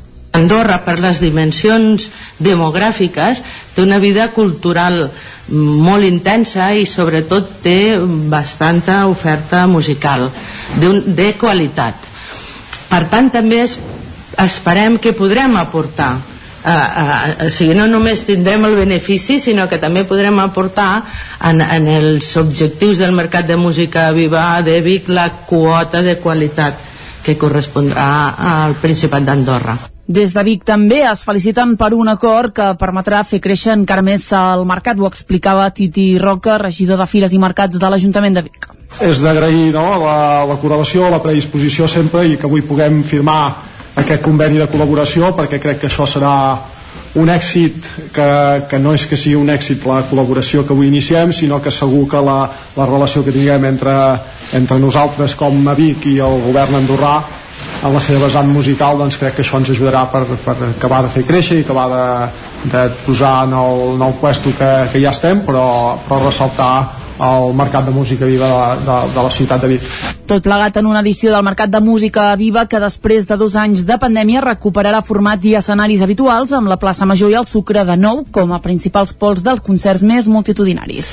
I no ens movem de la capital d'Osona perquè prop de 3.000 persones van passar aquest cap de setmana per la primera edició del Big Freak, una mostra que va fer les delícies dels amants de la fantasia i la ciència-ficció que es va fer al recinte firal del Sucre. La bona acollida del certamen, organitzat per Star Carrasco Unlimited farà que la proposta tingui continuïtat. L'any 2017 Ivan Carrasco va participar a la primera edició del Bicòmic, un festival dedicat al món del còmic del qual se'n va fer només dues edicions al recinte firal del Sucre. Aquell mateix any Carrasco i un grup d'amics creaven Starroco Unlimited, una associació sense ànim de lucre per donar a conèixer el gènere fantàstic i la ciència-ficció. Van fer un primer festival a Tarragona, va anar bé i des de llavors la proposta s'ha anat estenent a tot Catalunya. Aquest cap de setmana, amb el nom de Big Freak, va aterrar a la capital usonenca i el balanç que en fan des de l'organització és més que positiu. Ivan Carrasco és el director d'Estarraco Unlimited. Molt, molt, molt, molt, molt contents. La veritat és que la setmana passada estàvem una miqueta espantats perquè l'entrada anticipada no anava del tot bé, però bueno, aquesta última setmana ha començat a explotar, a explotar. Ahir va ser tranquil·let, però avui està siguent, bueno, suposo que el boca a boca ha començat a, a, a fer efecte i és quan hem estem supercontents de com estan anant, sobretot avui. I què es podia trobar al Big Freak? Ho detallava Ivan Carrasco. Tot el que els friquis ens agradaria trobar en un puesto com aquest, que és, bueno, tenir sobretot moltíssima varietat, moltíssima varietat en, en el que és el món friki. És a dir, d'aquí te pots trobar des de manga, anime, a còmic, a videojocs, a pel·lícules, a xerrades, a concerts, de tot una mica. També es podien practicar jocs de taula, participar en concursos, tastar propostes gastronòmiques d'accent japonès o gaudir d'actuacions com les de Yunenki, que va triomfar amb la canció de Xinxan, entre d'altres. Entre dissabte i diumenge van ser prop de 3.000 de les persones que van passar pel Big Freak, unes xifres que fan que els organitzadors ja pensin en una segona edició. Nosaltres hem vingut, si podem, per quedar-nos a Vic i, i repetir-ho tot el que, tot el que puguem. La bona acollida del certamen organitzat per Estarracó en límit farà que la proposta tingui continuïtat. Doncs fins aquí el butlletí informatiu que us hem ofert avui amb les veus de Clàudia Dinarès, Caral Campàs, Núria Lázaro i Isaac Muntades. Ara el que farem és refrescar la informació meteorològica i saludar de nou en Pep Acosta, que ens explicarà el temps que ens espera per a les properes hores. Ja ens ha avançat a primera hora del matí, que per ell l'estiu comença l'1 de juny. Per tant, benvingut a estiu. Va, anem a la informació meteorològica.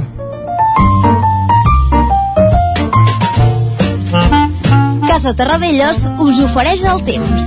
I vinga, per parlar d'informació meteorològica hem de saludar en Pep Acosta. Bon dia de nou, Pep. Hola, molt bon dia. Molt bona hora. I avui, com deia, es nota aquesta entrada de vents de sud, es nota que som ja a l'estiu, el mes de, el mes de juny, el mes de finals de cursos, el mes de, de, de Rebelles de Sant Joan, Rebelles de Sant Pere, un mes que hi ha moltíssimes activitats a l'aire lliure, i és que més també és el mes que hi ha més hores eh, diurnes de sol de, de l'any. Eh, el dia encara va creixent, però ja li queda poc, eh? ben aviat el dia començarà eh, a disminuir les hores de, de dia començaran a, retroce- a, a, a, fer uh, menys, uh, menys hores de diurnes. Bueno, això, en definitiva, el temps. Doncs avui, això que, que tenim una, un dia molt tranquil, unes temperatures mínimes que han pujat, ja superen els 15 graus en zones del peritoral, entre els 10 i els 15 a l'interior, i només per sobre d'aquests 10 graus a les zones més fredes del Pirineu. Durant el dia d'avui a la tarda, que serà una nuvolada del tot inofensiva, sense cap tempesta, i les temperatures màximes seran més altes. La majoria màximes entre els 28 i els 31-32 graus. A llocs més càlids en les comarques ja superaran aquests 30 graus. La calor s'intensificarà. No, no hi ha possibilitat de tempestes perquè no, no, no, hi, ha, no hi ha aire fred en alçada, eh, en definitiva, mm, un temps molt, molt, molt tranquil i, i típic ja d'aquestes dates eh, d'estiuenques de, de, eh, que, que fa això eh, és, és els, els, els dies que fa més calor i més sol de tot l'any. I i això és tot, moltes gràcies. I demà anirem a, per la predicció del dijous. Ja anirem encarant el cap de setmana moltes gràcies, adeu Vinga, Pep, moltes gràcies a tu. Nosaltres ara fem una breu pausa, re, mig minutet, i de seguida anirem cap a Aigua Freda. Casa Tarradellas us ha ofert aquest espai.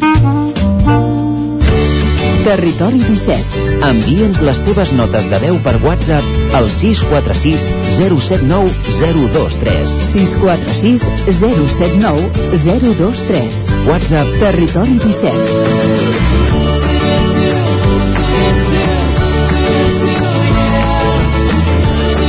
Territori 17. Som a Facebook, Twitter i Instagram amb l'usuari Territori 17.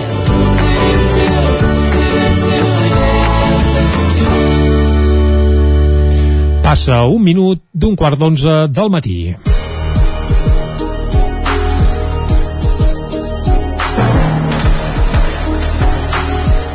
I seguim en directe aquí a Territori 17 i el que farem ara és anar cap a Aigua Freda perquè aquest diumenge els veïns majors de 16 anys estaven convocats a votar en una consulta per decidir si es quedaven al Vallès Oriental o es passaven a Osona.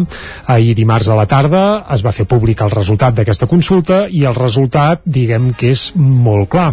Uh, 624 vots, el 60% són partidaris d'anar cap a Osona i 364 vots van ser per quedar-se al Vallès Oriental, aproximadament un 35%. Per parlar de la consulta i sobretot del seu resultat ens acompanyarà l'alcalde d'Aigua Freda, Miquel Parella. Miquel, molt bon dia. Hola, bon dia. Sorprès amb el resultat de, de la consulta o ja t'esperaves que el resultat anés per aquí?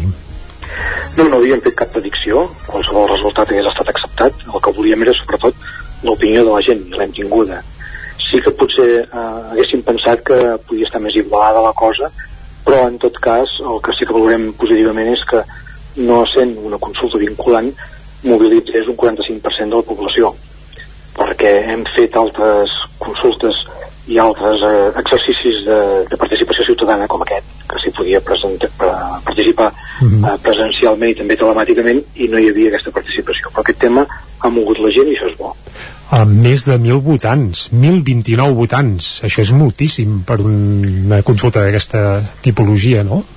Sí, perquè els referents que teníem eren, per exemple, uns pressupostos participatius que fem cada any a final d'any, com fan alguns ajuntaments, i tot i que incitem a la votació i repartim casa per casa fent una bustiada les paperetes, el resultat eh, participatiu és més baix. Tot i així, superior a altres municipis. Perquè tenim una ciutadania acostumada a votar i que li de ser preguntada, i en aquest cas doncs, eh, s'ha mobilitzat. I aquest diumenge es podien mobilitzar, diguem-ne que des de casa, votant telemàticament, o també ho podien fer presencialment. I la sorpresa és que pràcticament a 50-50 molta gent va acudir a votar de la manera convencional a l'urna. Gairebé la meitat de vots van ser presencials. Sí, no ens ho esperàvem això, això sí que no ho esperàvem perquè amb aquests exercicis previs sempre teníem una clara dominació per part del vot telemàtic, és a dir, estem parlant de més d'un 80% a favor del vot telemàtic i poc el vot presencial que és dipositar la papereta a l'urna. En canvi, aquest diumenge ha estat un dia de festa, mm -hmm. hi ha un degoteig constant de, de gent tot el, tot el dia eh, al mateix ajuntament i l'explicació pot ser que per qüestions diguem-ne transcendentals com pot ser aquesta encara es prefereix o molta gent encara prefereix l'opció física de la papereta i l'urna però en tot cas ha estat mm, per poca diferència però ha superat eh, la, la votació telemàtica eh? o sigui, la votació telemàtica ha guanyat la votació presencial. Per poc, per poc, per poc, però una mica més, sí, sí, sí, sí. Per cert, fins ahir dimarts a la tarda no es van conèixer els resultats i precisament era per comprovar que no hi haguessin hagut duplicitats, és a dir, gent que hagués votat telemàticament i també presencialment, cosa que evidentment diguem que no s'hi valdria. Heu trobat o heu copsat algun vot d'aquests que, bé, que hagués fet, diguem-ne, trampa? Eh, sí, això ja també ho fem amb aquells pressupostos participatius que he comentat abans s'han d'excloure aquests duplicats evidentment, però també persones que han votat que no estan al cens. És a dir, el temps que vam demanar de fet a les bases ja ho vam dir que fins al dimarts no sabríem el resultat ens vam guardar un dia de, de treball intern per comprovar amb el cens que tots els votants doncs, efectivament eren censats a Aigua Freda i majors de 16 anys. I censats de feia uns quants dies, no s'hi valia censar-se 15 dies abans també, eh? No, es va fixar que havien d'estar censats eh, al mes d'abril, Uh -huh. em sembla que era el, el 30 d'abril concretament, un mes abans de la consulta. Mm, Deixa'm dir que una de les coses que vau deixar ben clares és que si se superava el 33% de participació, és a dir, si més d'un terç de la població d'Aigua Freda votava, el resultat interpretaríeu que seria vinculant. És a dir, que, que bé, que Aigua Freda sí que demanaria passar a entrar a formar part de la comarca d'Osona. Quins seran, a partir d'ara, per tant, els passos que se seguiran des del consistori d'Aigua Freda? Bé, primer faig un petit matís. Mm -hmm. Sí que ens vam fixar aquesta, aquesta raó del, del terç, aquest 33%, perquè si se superava ho analitzaríem. El que sí que no vam fixar va ser el percentatge de diferència entre una opció i l'altra, simplement vam dir que aquest havia de ser, aquesta diferència havia de ser notable, aquesta és la paraula que fèiem servir, i ho ha estat. Per tant, ara sí que el consistori es trobarà, o la comissió que ho ha tirat endavant es trobarà i valorarà la necessitat doncs, d'anar més endavant atesa la participació majoritària que hi ha hagut. I per situar-nos, això quin seria el procés habitual? És a dir, convocar un ple municipal on tots els regidors o les forces polítiques representades a l'Ajuntament d'Aigua Freda doncs, demanin fer aquest pas o com, quins han de ser els passos per fer el canvi de comarca? Sí, ara ho valorarem, però d'entrada això ha de passar per ple. És a dir, hi ha d'haver un acord de ple Mhm. i una vegada superat aquest acord de ple doncs eh, això passarà a governació i de governació a la Generalitat haurà de fer els tràmits perquè arribi al Parlament. El Parlament de Catalunya és qui té la potestat d'aprovar el mapa comarcal de Catalunya i per tant qualsevol alteració d'aquest mapa també l'ha de validar el Parlament. Aquestes coses acostumen a ser uh, farragoses i no precisament ràpides. No sé si heu pensat ja en una data en què es pogués fer això, el canvi de comarca, que pogués ser ja uh, real. Uh, hi ha calendari no. en aquest sentit? No, eh? No, no s'ha valorat ni tampoc el podem avançar, perquè bona part d'aquest procés no depèn de nosaltres. Sí que sabem que hi ha situacions d'aquestes que porten temps al Parlament de Catalunya i, per tant, els terminis ara seria agosarat parlar Uh -huh. Tornant a la consulta, eh, expliquem que Miquel Parell és alcalde per Junts per Catalunya, però diguem que des de l'alcaldia i des del grup, fins i tot, eh, no us vau acabar de mullar. Tenien llibertat de, de vot tots els regidors, eh? en aquest sentit vau ser neutrals totals. Sí, no només els regidors, sinó els nostres votants i la ciutadania en general. Aquí separem les dues coses. Com a Ajuntament sí que ens ha tocat donar la màxima informació objectiva, neutral, tant pels díptics i fulletons informatius que vam repartir casa per casa com per la, la, la xerrada de presentació que es va fer on havíem d'afegir les màximes dades perquè la gent votés amb consciència. Per tant, com a Ajuntament només ens tocava fer aquest paper i com a alcalde també. És a dir, és incitar la participació des de la neutralitat. Ara bé, com a grup municipal, nosaltres vam optar des del primer moment per donar llibertat de vot i per tal de, de copsar totes les sensibilitats que cadascú s'expressés de, de la manera que, que millor convingués. Això és important en un sentit, i és que atès que eh, si es produeix un canvi de comarca el dia a dia es veurà molt poc afectat per la ciutadania, vam veure que acabava sent en molts casos una votació més eh, emotiva Sentimental gairebé que o més racional. sentimental. Per tant, aquí sí que no hi podem entrar i aquí cadascú doncs, eh, és lliure de pensar i dubtar com vulgui i aquest és un terreny que no hi hem d'entrar com a partit. Si preguntem a Miquel Parella per quina opció es va decantar, Sí, no, no, en aquests moments no faré cap declaració en aquest sentit. Jo vull mantenir la meva posició neutral de respecte per tots els votants i per les opcions que han sortit. Expliquem que l'any 1987, que fa bastants dies ja d'això, ja s'havia fet una consulta similar i en aquella ocasió va guanyar per amplíssima majoria quedar-se al Vallès Oriental. I aleshores es va parlar que tenia molt de pes en aquesta decisió el fet sobretot sanitari i hospitalari. Granollers tenia un gran centre hospitalari, Vic encara no tenia l'hospital que té ara, encara tenia l'Hospital de la Santa Creu. Uh, allò ha quedat enrere, oi? Sí, exactament va ser com ho heu explicat i això forma part d'un moment, d'una generació. En aquests moments, abans de tirar endavant aquest procés, sí que nosaltres vam voler assegurar la vinculació passés el que passés amb el Consorci Hospitalari de Granollers, mm -hmm. amb el qual ens hi volem mantenir lligats i del qual n'estem satisfets, i parlant amb gerència de l'àmbit territorial metropolità nord dintre de sanitat, se'ns va assegurar que no hi havia inconvenient. De fet, el mapa sanitari no coincideix amb el mapa comarcal. Hi ha molts municipis que es troben en una comarca però reben el servei sanitari en l'altra. El religiós seria... tampoc, perquè, per exemple, Aigua Freda sou del Bisbat de Vic, per exemple. Sí, aquesta és l'adscripció, eh, diguem-ne, al món d'Osona, uh -huh. més antiga que tenim, el Bisbat de Vic, data del segle VIII, i des de llavors que Aigua Freda ja ha mantingut vincles i no s'han trencat mai, és dir, continua sent Bisbat de Vic. Uh -huh. Aquesta és una de les divisions que, que ens vincula a Vic, la més històrica i la més antiga, però tornant al tema de l'hospital sí que nosaltres mantindrem independentment de què acabi passant eh, la vinculació a l'Hospital de Granollers. Mm. Uh, ja per anar acabant, deixa'm comentar que potser els més joves han tingut un pes important a l'hora de decantar l'opció cap a Osona, més que res perquè els joves d'Aigua Freda que estudien a l'institut doncs van a Centelles i els lligams suposem que amb el sud d'Osona en aquest sentit potser són més estrets que no pas amb, amb el Vallès Oriental i pot haver tingut uh, pes en aquest sentit aquesta, aquesta decisió?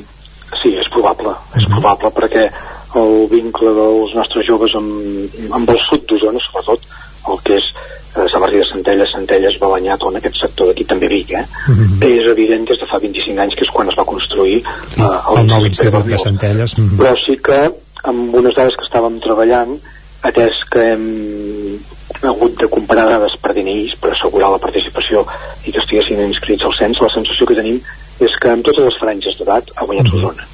És a dir, que ha estat una votació majoritària, probablement sí, allà on hi ha hagut més percentatge ha estat amb la gent jove. Però vaja, que els votants osonencs han sigut transversals, podríem dir. Crec que sí, mm -hmm. crec que sí.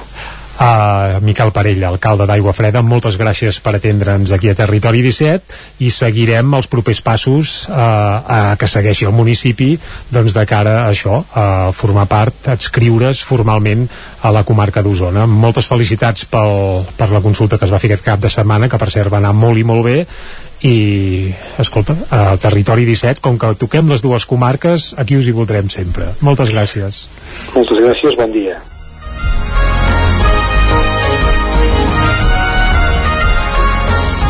I arribats a aquest punt, després de parlar amb l'alcalde d'Aigua Freda, fem una breu pausa i tornem a dos quarts en punt saludant en Guillem Sánchez. Fins ara mateix.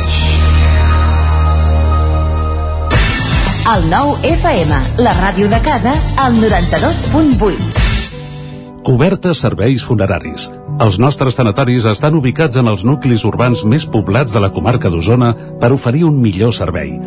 Tanatori de Vic, Tanatori de Manlleu, Tanatori de Centelles i Tanatori de Roda de Ter. Sabem que són moments difícils i per això el nostre compromís és atendre-us en tot moment amb un tracte humà, sensible i respectuós. Cobertes serveis funeraris. Telèfon 24 hores 93 883 23 46.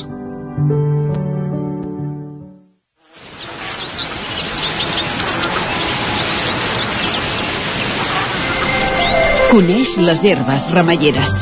Gaudeix de Vilanova de Sau. Trentena Fira d'Herbes Remeieres de Vilanova de Sau. Diumenge 5 de juny. Ajuntament de Vilanova de Sau. Si tens pensat canviar la caldera o posar aire condicionat, posa't en mans a Pradell. Tenen les millors ofertes. Pradell instal·la calderes de biomassa, calderes de condensació, aire condicionat tant per a particulars com per a empreses. Apunta, Pradell, Avinguda Països Catalans, número 27 de Vic. Telèfon 93 885 11 97. Repetim, 93 885 11 97. Sherlock Holmes ha mort i Watson necessita la vostra ajuda per tornar enrere en el temps i trobar el punt exacte per salvar-lo del parany de Moriarty.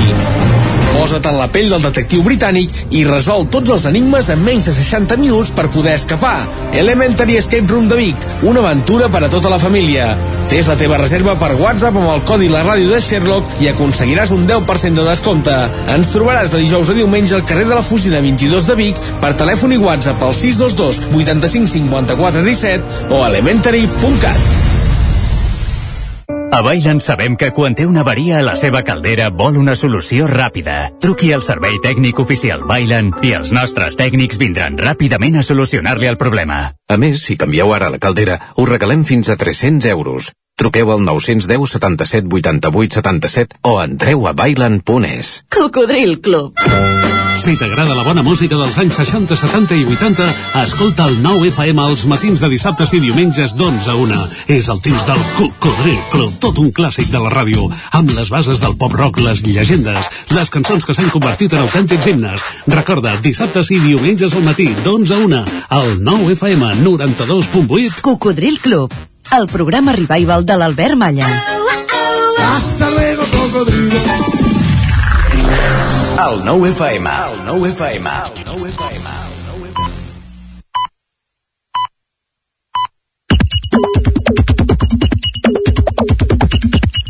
Dos quarts en punt d'onze, seguim en directe aquí a Territori 17 i quan arribem a mig programa sempre qui ens visita és en Guillem Sánchez, aquí ja saludem. Guillem, molt bon dia. Què tal? Com estem, Jordi? Bé, a punt d'anar cap a Aigua Freda.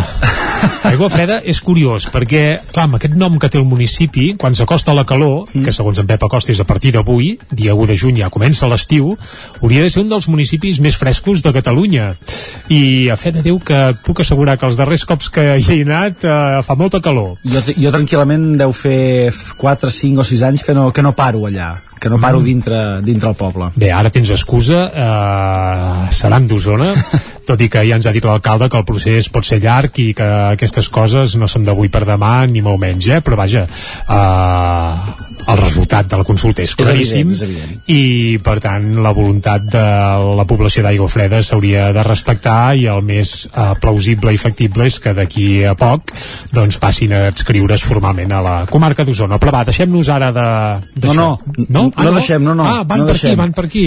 Van per aquí les, les piloles perquè hem agafat avui algunes reaccions d'usuaris a Twitter aquesta votació i als Ah. resultats que s'han conegut. Ben fet. Per exemple, l'Ernest que ens diu i així mica en mica amb tots els municipis de Catalunya, en silenci, referèndum a referèndum, tothom voldrà passar a formar part d'Osona. Bé, deixa'm dir que referèndum no, eh? Consulta, Consulta, consulta. O de, perquè si posem la paraula referèndum vés a saber què hagués pogut passar. Ho estem dient malament.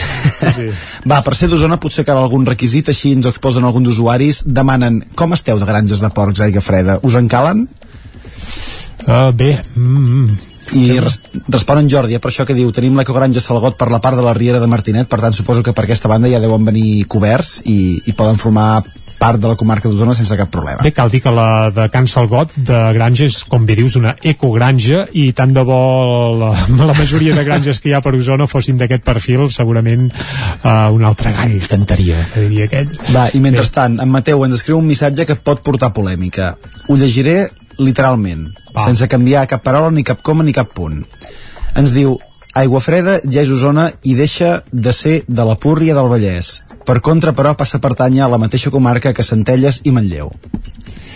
Home, això és una mica lleig, eh? És una mica lleig, és una mica lleig. Púrria, uf, uh, bé... Mm, D'opinions per, per tots no, els per gustos. tots els gustos, evidentment no subscrivim aquestes paraules, però escolta, cadascú que la vessi com vulgui. Va, i, i durant les últimes hores molts usuaris com la Magda s'han justificat sobre si s'identificaven més amb ser d'Osona o amb ser del, del Vallès, vivint a Aigua Freda. Ell ens diu, a Osona, soc d'Aigua Freda i he estudiat a Vic i tinc amics, vaig a comprar i sortim a sopar a Osona, on també hi ha el club del qual sóc sòcia. A més, m'identifico més amb aquesta comarca des del punt de vista sociològic. Doncs bé, suposo que devia Ah, votar ja passar a ser d'Osona. Seguríssim, Suposo. en el seu cas és que està cantat, si no seria Si no, un malament. problema. Sí, sí, sí. Però vinga, va, canviem de feina, nova incursió en l'estat del català a l'escola, va.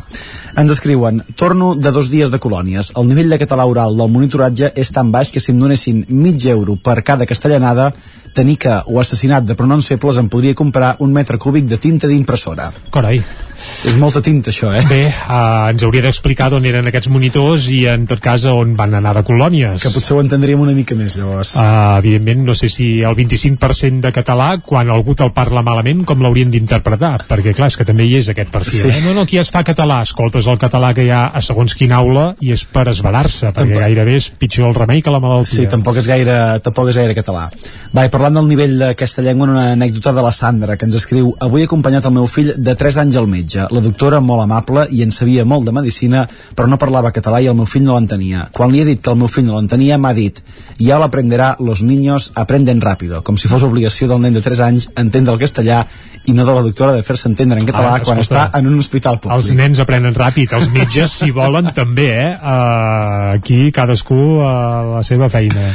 Va, tot i això, ser agraït en aquesta vida està bé, tot i que en Miquel no se li ha posat massa bé la bona notícia que li han donat. Diu, acabo de rebre un reconeixement important, el premi del qual requereix haver de treballar més. Ara mateix no estic agraït, estic francament molest.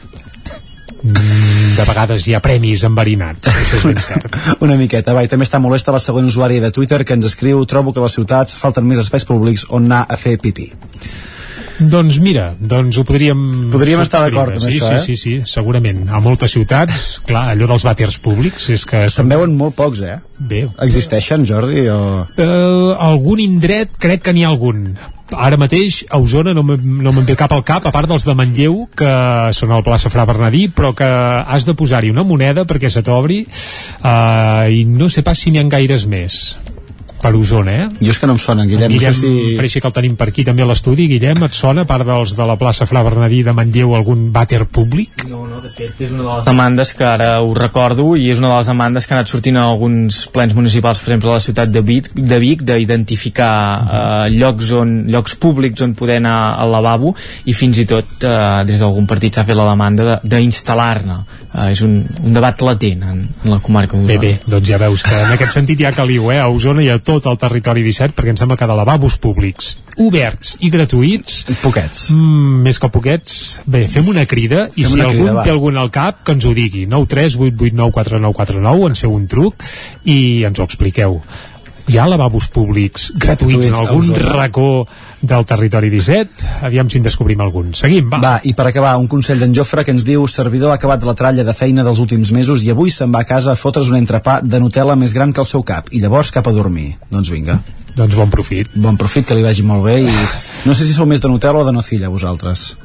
Jo, a casa meu n'hi diem nuceta. Nuceta. Eh, eh, que era molt fric, eh? Ja ho sé, eh? Però tota la vida n'hi hem dit nuceta. Jo, jo uh, de nocilla era. Ja en som dos. Eres. Guanya. Sí, sí, ara no, no massa, no, no n'utilitzo massa a dia d'avui. Escolta, mai hi ha edat per, uh, per, Per deixar- de nuceta per jo, d'anar a dormir. jo entraria en el debat del Colacau i Nesquik, que aquí sí que... Em, Que podem obrir un altre dia també. Arribaríem a, sí, sí, amb arguments profuns de, Bé, de eh, grumolls o no grumolls. Ui, ui, bueno. ui, ui, eh? estaria molt bé, Guillem, però hem de fer un cop No d'ull al toca. 99.cat, hem d'anar a la taula de redacció, tenim molta feina, uh, l'apuntem un dia, va, Colacau o Nesquik també, però de moment el que farem és acomiadar en Guillem Sánchez. Guillem, gràcies, Que Guillem bé. Freixa, no marxis, eh? Però abans de saludar-te fem un cop d'ull a les portades del 99.cat que en l'edició d'Osona obren explicant que els veïns d'Aigua Freda voten passar a ser d'Osona. I dius, ostres, i a l'edició del Vallès Oriental també obriran amb això, eh, que en teoria han perdut, entre cometes, o perdran un municipi? Doncs ho comprovem de seguida. L'edició del 99.cat del Vallès Oriental ara mateix no obre amb aquest eh, elecció d'Aigua Freda, està amagat amb un raconet, eh? Aigua Freda tria Osona. Cadascú que ho interpreti com vulgui. El titular principal al 99.cat del Vallès Oriental és que Granollers aprova un conveni per construir 57 pisos protegits de lloguer i també hi apareix que Josep Monràs deixarà l'alcaldia de Mollet aquest divendres. Fet aquest cop d'ull, eh, tanquem aquí el bloc de piulades i portades del 99.cat i anem cap a la taula de redacció. Territori 17.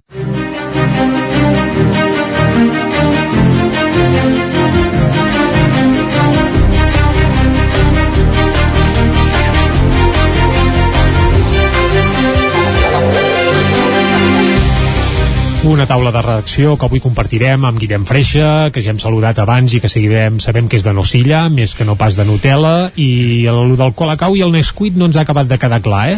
No, no, de Colacau. De Colacau, Sí, val, sí. Val, val, però matem-ho aquí, eh? Sí, sí. Perquè no ens parlaràs pas d'això, sinó que ens parlaràs de consultes, però sí. tampoc serà la d'aigua freda, que és la que tenim més ara fresca, sinó que se'n prepara una altra de consulta, i tampoc és la de Torelló per decidir quin és el festiu local eh, que, que volen tenir de cara a l'any vinent. De Mm. quina consulta parlem? Guillem? Doncs parlem de la consulta per decidir el nom que ha de tenir l'entitat municipal descentralitzada de Sant Miquel de Balanyà. Mm. És una història curiosa, interessant i que ve de, de lluny, ve de fa anys. Sant Miquel de Balanyà és uh, aquest... Pertany a Ceba, eh? En terme municipal de Ceba. Nucli de població que pertany a Ceba des de principis dels anys eh, 90.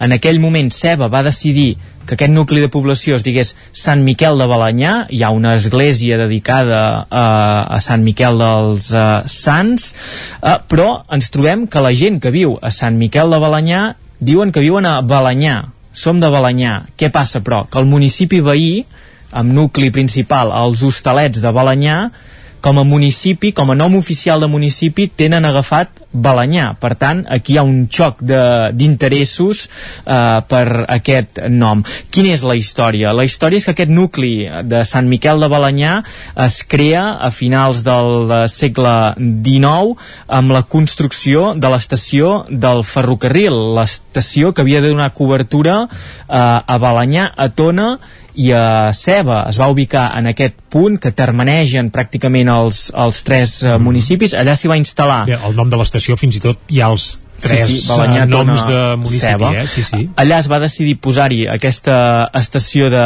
de tren i al voltant d'aquesta estació es va començar a construir doncs, un nucli de- d'habitatges eh, amb gent que s'hi anava aplegant i al final va acabar eh, consolidat un nucli de població. Això era en concret el 1875, per tant, com dèiem, en el segle XIX, Fa uns quants dies. Sí. i en canvi l'església de Sant Miquel que ha acabat donant eh, nom en el, en el poble no es va construir fins l'any 1953 per Carai, tant queda clar És nova, aquesta església. queda clar que els orígens estan en l'estació del ferrocarril i no en aquesta església. D'aquí que aquesta zona, històricament, per la gent que hi vivia, es coneixia com eh, Balanyà Estació, eh, l'estació de Balanyà o eh, simplement Balanyà. Com dèiem, a principis dels anys 90 aquest nucli és absorbit per Ceba, Ceba decideix donar-li el nom de Sant Miquel de Balanyà i en paral·lel els hostalets de Balanyà de decideixen recuperar un nom històric de tot el terme que era Balanyà.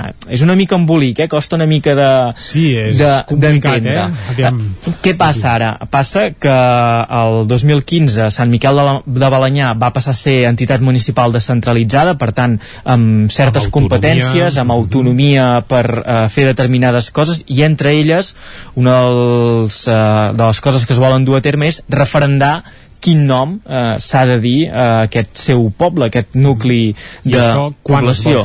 Això serà a la tarda del divendres 17 de juny i també durant tot el diumenge 19 de juny i en concret la pregunta serà quin vols que sigui el nom del teu poble i per un cantó es podrà votar mantenir el nom de Sant Miquel de Balanyà Mhm. o per l'altre passar a dir-se Balanyà de l'Estació.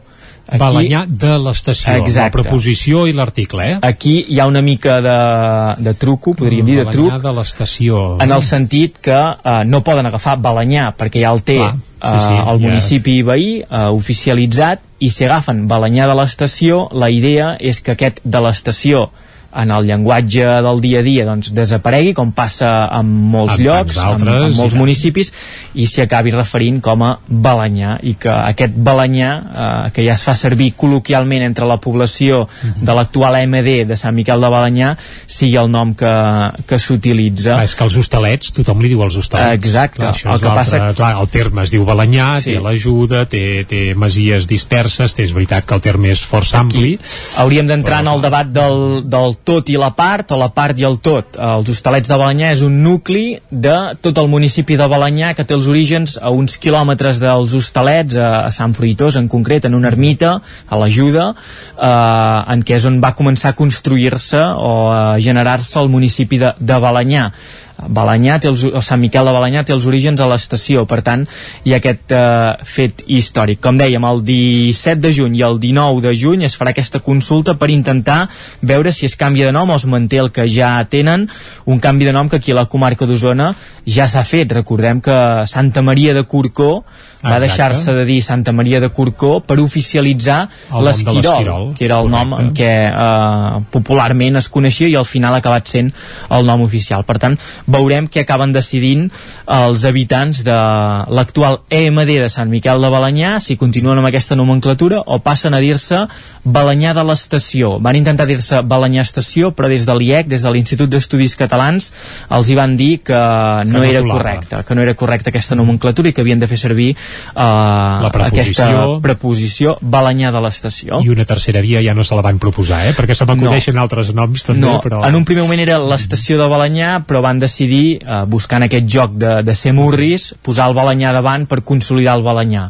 Perquè s'estan trobant que Sant Miquel de Balanyà tothom en parla com a Sant Miquel i es va perdent el, el Balanyà i és el que, el que no volen una part de la població. Veurem com acaba aquesta consulta. Doncs va, ho seguirem per consultes que no quedi aigua freda, a Torelló i ara també aquesta de Sant Miquel de Balanyà. Guillem Freixa, moltes gràcies. Adéu, bon dia. I d'en Guillem Freixa passem ara cap a l'Isaac Muntades, anem cap a la veu de Sant Joan. Isaac, molt bon dia.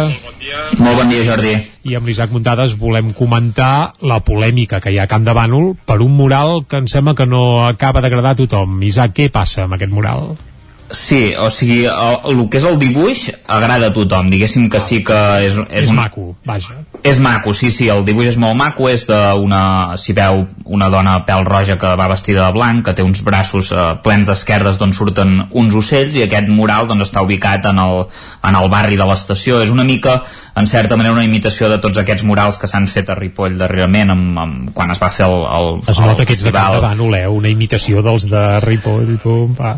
Sí, bé, en aquest cas primer van ser els de Ripoll, per tant en aquest cas sí que, que s'ha de, dir, de dir això, i en aquest cas és un mural que està ubicat en una façana d'uns 15 metres d'alçada, diguéssim, que, que el va pintar una il·lustradora barcelonina i també un artista d'Alacant. El que passa és que aquest mural està directament relacionat amb el 25N, perquè està pagat amb una subvenció de 100.000 euros que prové directament de, de l'estat espanyol eh, per destinar-lo doncs, a polítiques contra la violència de gènere. Per tant, doncs, havia de quedar clar que, que això era així i en el mural eh, no s'hi veu cap eh, frase ni inscripció que, que, ho, que ho digui ni que ho expliqui ni tampoc doncs hi posa 25 o alguna cosa no? Eh, has d'interpretar que allò va amb la violència gènere i clar, el mural en certa manera és bastant bonic no? d'aquí va arribar la, la polèmica que la CUP deia que la violència de gènere doncs no és una cosa uh, suau, és un tema dur que, que s'ha d'entendre el missatge i que en aquell missatge no quedava clar doncs que, que fos això, que, que, que es parlés de la violència de gènere i que hauria d'haver quedat clar, si més no posant-hi doncs, una frase, perquè sí que la CUP entenia que evidentment alguns veïns no haguessin estat d'acord en posar un dibuix més fort, perquè n'hi havia de més forts, de més contundents, però també els veïns eh, s'hi van negar.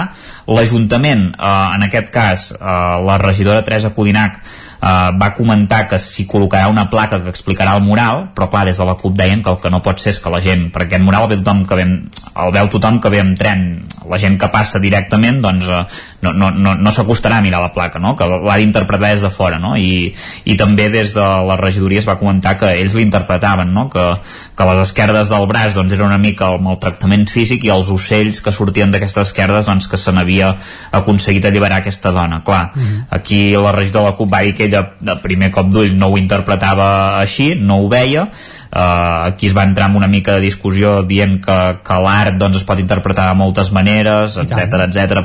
El que passa és que clar, va dir que aquest missatge sí que havia de quedar clar que no era una qüestió de que l'art s'interpreta de moltes maneres, sinó que era un missatge que un, una subvenció que anava directa per una cosa concreta i que no, no s'entenia. Bé, veurem com acaba. Uh, L'artista no hi va voler-hi posar una frase, ella considerava que era millor posar-hi una placa perquè quedava més com un quadre de museu al seu entendre i, i, i es va acabar així. Uh, ara sí, ara s'ha de col·locar la placa encara i veurem, veurem com acaba, però en principi no hi ha, no hi ha cap mena de... Bueno, no, no s'hi posarà cap frase en principi. Doncs Isaac, moltes gràcies per acostar-nos a aquesta polèmica que hi ha a l'entorn d'aquest mural a Camp de Bànol. T'esperem més endavant a l'agenda cultural del cap de setmana. Fins després. Vinga, i nosaltres tanquem aquí la taula de redacció i anirem cap al Lletra Ferits. Territori 17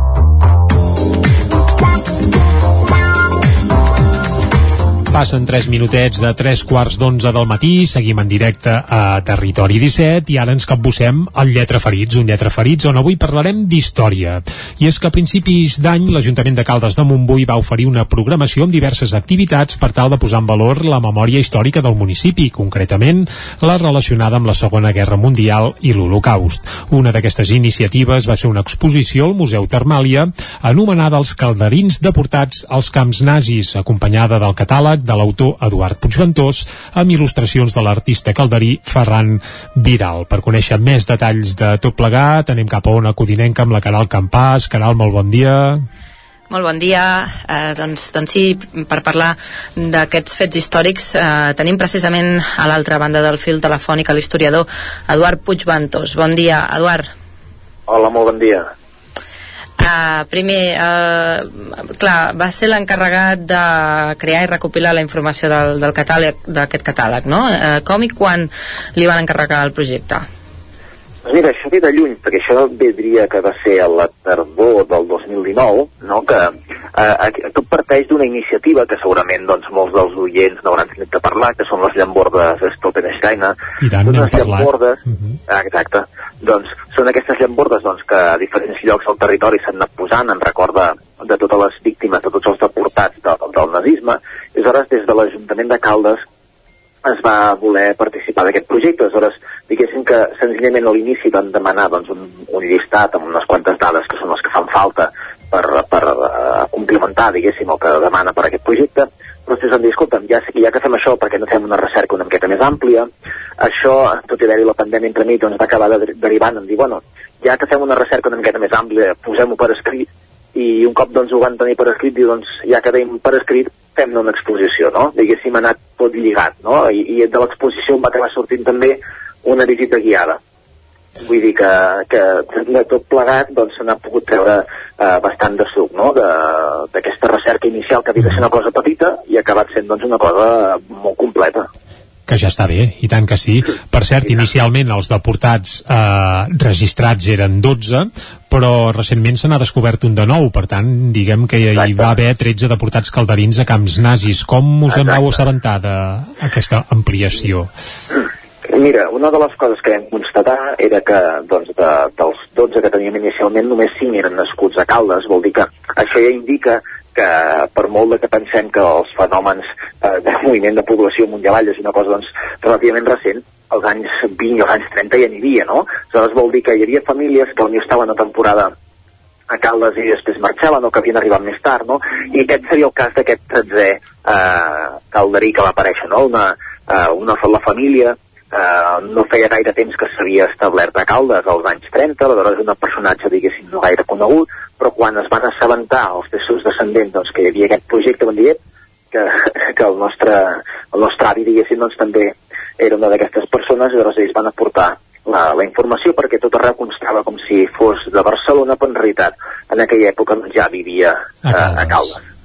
Uh -huh. ah, una de les activitats que, que es van fer en homenatge a aquests calderins, a banda de tot el que comentes, ah, va ser una diada d'homenatge per batejar la, la plaça Neus Català, es va aprofitar doncs, per donar-li eh, nom, i, i es va col·locar també un monòleg en record a les víctimes. Va ser aquí on, on aquesta família que comenta eh, va dir, ostres, nosaltres també, el nostre avi també en formava part, o va ser en un altre moment? Va ser arran justament doncs, de, de tota la promoció que es va fer doncs, d'aquest acte, del catàleg, de l'exposició, que es van posar en contacte doncs, amb el Museu Termàlia amb l'Ajuntament i doncs, van aportar les dades. Però sí que segurament, si no s'hagués fet aquesta podríem dir, exposició pública no? de, de tots els actes, de totes les activitats i en aquest tema, en aquest uh, acte central, doncs possiblement doncs, això no hagués arribat tan lluny uh, a través dels mitjans i potser aquesta família doncs, no se n'haguessin assabentat. Al final, tot serveix per enriquir, perquè de la mateixa manera que aquesta família va dir, per aquí a falta del nostre familiar, doncs hi ha alguns altres que dit, "Ep, aquestes dades que teniu aquí, aquesta data de naixement, o aquest número del carrer, o aquest no sé què, no era del tot correcte, perquè no sempre surten aquestes cosetes que van molt bé, perquè vol dir que la informació arriba, que la informació es mou i al final ens serveix doncs, a tots per, per aprofundir en el coneixement i evitar aquestes petites errades que es produeixen doncs, quan només tractes possiblement doncs, amb documentació. No?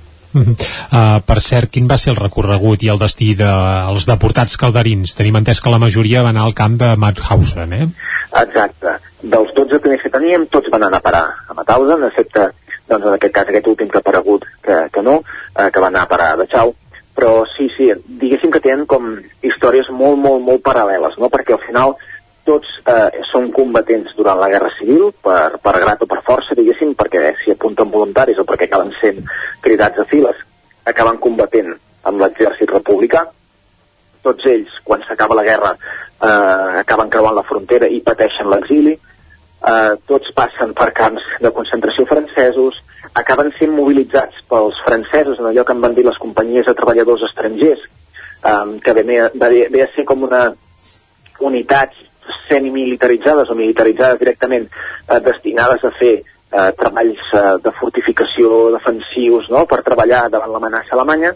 Un cop comença la Segona Guerra Mundial, molts d'ells doncs, acaben directament sent mobilitzats justament en contra, en contra dels alemanys, són fets presoners, i a partir d'aquí es produeix el seu periple doncs, per allò que se'n van dir eh, eh, els lager, no? Eh, primer de tot camps, podríem dir, de classificació, més propers a la frontera amb França, Alemanya, i finalment van a parar aquests camps d'extermini, no? que acaben sent, en el seu cas, doncs, Mauthausen, i dintre de Mauthausen un dels subcamps que era realment molt gran i que acaba superant el, el camp inicial, que va ser Gusen.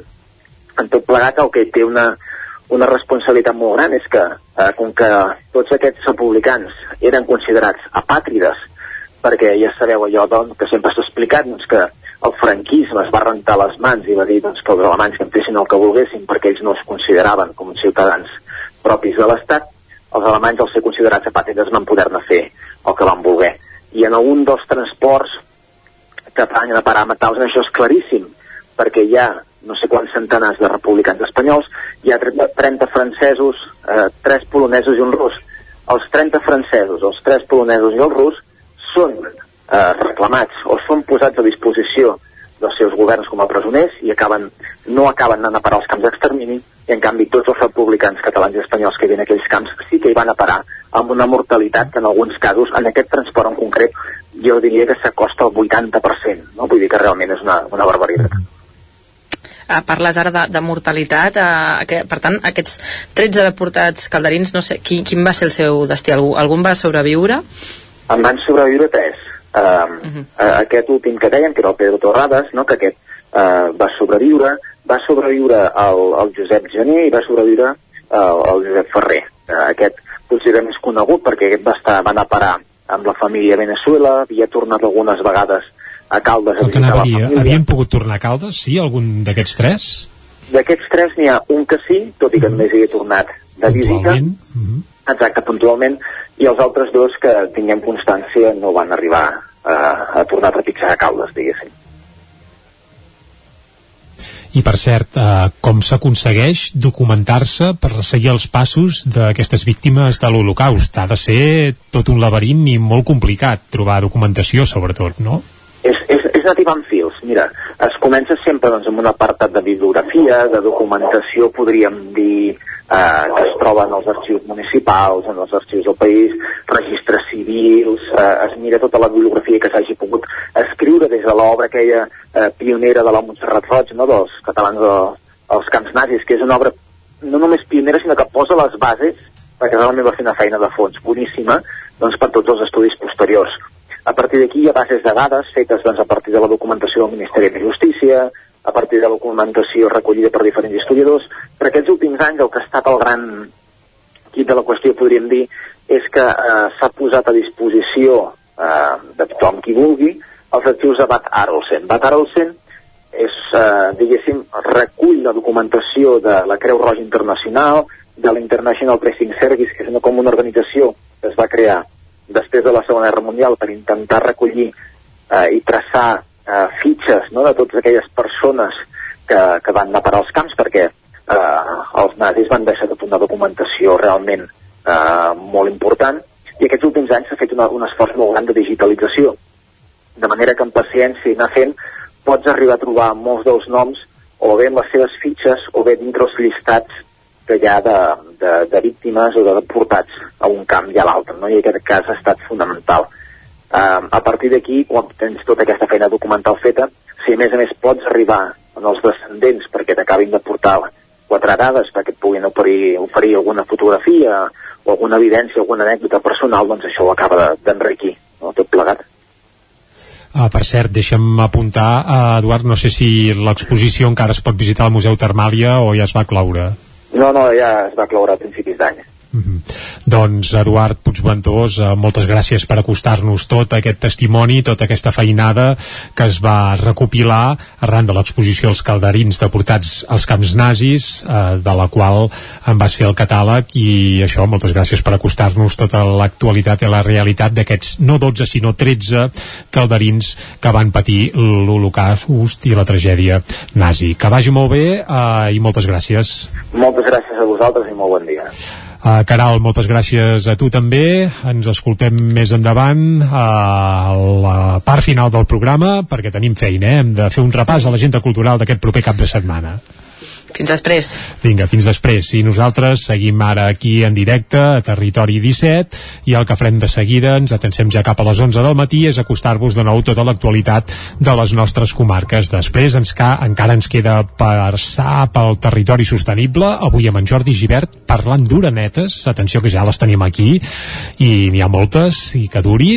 I a la part final del programa, ja ho sabeu, cada dia pugem a la R3, a la Trenc d'Alba i també el que fem cada dia, els dimecres és acabar fent un repàs a l'agenda cultural del cap de setmana. Això a la part final. Ara ens atencem a l'hora del butlletí informatiu.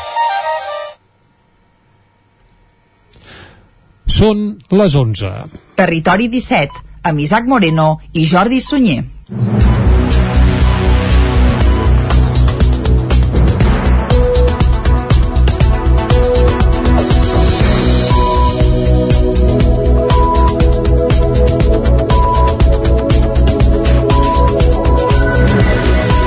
I començarem el butlletí informatiu de les 11 anant cap al Ripollès per parlar de la polèmica per un mural a Camp de Bànol, una polèmica de la qual Isaac Muntades ja ens ha avançat detalls a la taula de redacció. I és que resulta que aquest mural, que ha de servir per visibilitzar la problemàtica de la violència contra les dones, no agrada a tothom. La CUP considera que el missatge no s'entén per ser massa suau. Isaac Muntades, des de la veu de Sant Joan. La il·lustradora barcelonina Marta Guayo, coneguda pel seu nom artístic Marta Baterne i l'artista d'Alacant Tardor Rosselló són els autors del mural que s'ha dibuixat en una façana d'un bloc de pisos del carrer Comternau del barri de l'estació de Camp de Bànol. Al mural, d'uns 15 metres d'alçada, s'hi pot veure una dona pèl roja i vestida de blanc amb uns braços plens d'esquerdes d'on surten uns ocells. El mural està relacionat amb el 25N, el Dia Internacional de l'Eliminació de la Violència de Gènere contra les Dones. Al darrer ple, la CUP, a través de la regidora Mariona Baraldés, va assegurar que no s'identificava el missatge del mural i es va generar una certa polèmica. La regidora Teresa Codinac explicava que les esquerdes significaven el maltractament i els ocells que se n'havia alliberat. Baraldés va replicar que costava interpretar-lo a primer cop d'ull i va lamentar que no se'ls hagués convocat per revisar el disseny final. La Dilcopaire va aprofundir en el problema del mural. En el moment que tu veus el mural, no haver-te de provar una placa per saber què és, identificar-ho de seguida, no? Si és evident que està en una escala de veïns que no pots posar segons quin dibuix, doncs posa una frase, veus un dibuix, llegeixes frase i saps de què va, perquè és que ha costat 7.000 euros d'una subvenció que ve de l'Estat que va directament relacionat amb el 25N. És que no, no s'ha posat ni el 25N. Llavors, clar, jo amb aquestes explicacions de segons quins regidors que si l'art s'ha de conservar... No, aquest mural era una cosa molt concreta i quan tu veus aquest mural has de saber de què estem parlant, no? Encara que estèticament li agradés, la CUP no entenia que el dibuix fos tan bonic i suau, ja que la violència de gènere és una cosa dura i crua. Codinà que justificava així. És un mural una mica amb caire amable, perquè clar, tampoc es tracta de ficar depèn el què, perquè hi hauria gent que ni passarien per aquell carrer. Llavors hi ha molts veïns allà. També els havia d'agradar una mica en els veïns. Jo crec que sí que té un fons dur, però bueno, poder no tothom el veu. Però això és igual que veure una pintura, que un ho veurà d'una manera, l'altre ho veurà d'una altra. Llavors, al cap de vall hi posarem que ens estan fent una placa amb una mica d'explicació per a la gent que no acabi d'interpretar perquè sigui una mica més aclaridor. Però a nosaltres ens ha semblat que era una bona forma de, de plasmar la violència de gènere que no té per què ser desagradable. Hi ha unes propostes en blanc i negre, amb dones que ploraven, amb dones amb uns núvols... Era molt tètric, molt tètric. I llavors ja ho vam anar polint. El regidor de Cultura, Sergi Colomer, va apuntar que l'artista havia preferit posar una placa per explicar-ho perquè la pintura s'assemblés més a un quadre de museu, però Baraldés va replicar-li que per això ja hi havia el Museu del Prado i que el consistori tenia l'última paraula perquè el pagava i hauria d'haver-se escrit una frase. Els veïns d'Aigua Freda voten deixar el Vallès Oriental i passar a ser d'Osona. La participació a la consulta que es va fer diumenge ha superat el 33% i, per tant, tal i com s'havia anunciat, el consistori tindrà en compte el resultat. Els veïns i veïnes d'Aigua Freda han decidit deixar el Vallès Oriental i passar a formar part de la comarca d'Osona. És el resultat d'un procés participatiu que es va fer diumenge de forma presencial i també telemàtica, en la qual es van demanar als ciutadans a quina comarca creien que hauria de pertànyer al municipi d'Aigua Freda. Segons va fer públic l'Ajuntament a primera hora de la tarda d'ahir, el resultat és clar. Osona va rebre 624 vots, el 60,6%, i el Vallès Oriental 364, el 35,4%. També hi va haver 41 vots blancs o nuls, un 4%. La naturalesa del procés en què hi podien participar veïns i veïnes empadronades al poble de més de 16 anys era de caràcter consultiu, però es va determinar que si la participació superava el 33% es tindria en consideració el resultat i segons el consistori hi van participar 1.089 persones, un 45,43% del cens. La participació telemàtica va ser utilitzada per 553 persones i presencialment hi van participar 476. A l'hora de fer públic el resultat, l'Ajuntament d'Aigua Freda va agrair la participació i el compromís cívic de tot el veïnat, un veïnat que ben aviat passarà a ser de la comarca d'Osona. Torelló ha de tenir 151 pisos de lloguer social l'any 2027. És el que marca el Pla Local de l'Habitatge que es va aprovar al ple d'aquest dilluns amb els vots a favor de tots els grups del consistori. L'estudi que s'ha fet per determinar el nombre de pisos buits al municipi n'ha trobat 326. Tots els grups de l'Ajuntament de Torelló donaven suport al ple d'aquest dilluns al Pla Local d'Habitatge elaborat durant l'últim any que defineix les polítiques en aquesta matèria des d'ara i fins l'any 2027. L'estudi de pisos buits n'ha detectat 326 a partir d'aquesta diagnosi, el, el consistori ha de poder començar a aplicar el recàrrec del 50% de l'IBI que es va aprovar pels habitatges que portin més de dos anys desocupats. El pla també estableix els pisos de lloguer social que hi ha d'haver l'any 2027 d'acord amb el que marca el Pla Territorial Sectorial d'Habitatge de Catalunya de cara al 2042. Adrià Jaumira eh, és el regidor d'Habitatge de l'Ajuntament de Torelló i Maria Àngels Casals, regidora de la CUP aconseguir 150, 151 habitatges destinats a lloguer social en aquest 2027, que seria un 5,3% del total d'habitatges que s'estimen en aquell any, per acabar arribant al 2042 amb aquest 8% que marca actualment el Pla Territorial Sectorial. Amb el, la diagnosi deien que hi havia molta, molta, que anava augmentant les llars unipersonals, també haurem de tenir en compte perquè no que hem de fer grans pisos si realment n'hi viu una persona sola. I llavors a mi el que em preocupa són les desigualtats socials que hi ha una diferència del 19% entre les rentes més altes i la més baixa. I llavors doncs, això crec que hauríem de tenir en compte no?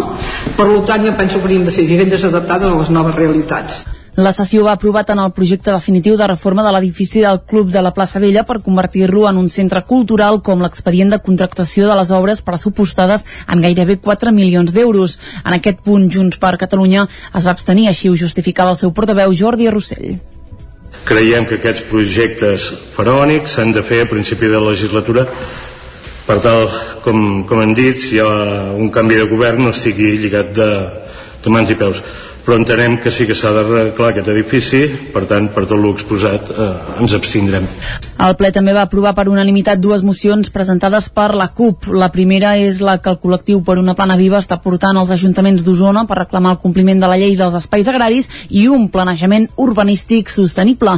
La segona demanava que el 25% del pressupost autonòmic de salut es destini a l'atenció primària. I seguim a Torelló perquè avui a les 8 del vespre el Teatre Sirvianum acollirà una taula de debat sobre les festes locals, previ a la consulta ciutadana que impulsa l'Ajuntament per decidir si es manté com a festa local el dilluns de Roca Prevera o bé es canvia pel divendres de Carnaval.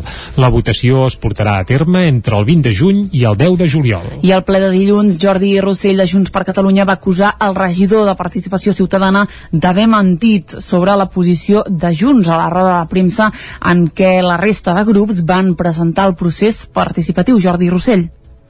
Nosaltres sí estem a favor de la consulta, però ben feta, havent parlat amb tothom. Nosaltres dèiem que no podia ser, per exemple, es fes sense prèviament haver parlat amb els comerços, sense urnes físiques dipositant el vot en paper i al final d'un mandat, quan ho podien eh, fer tan bon punt vau entrar a govern.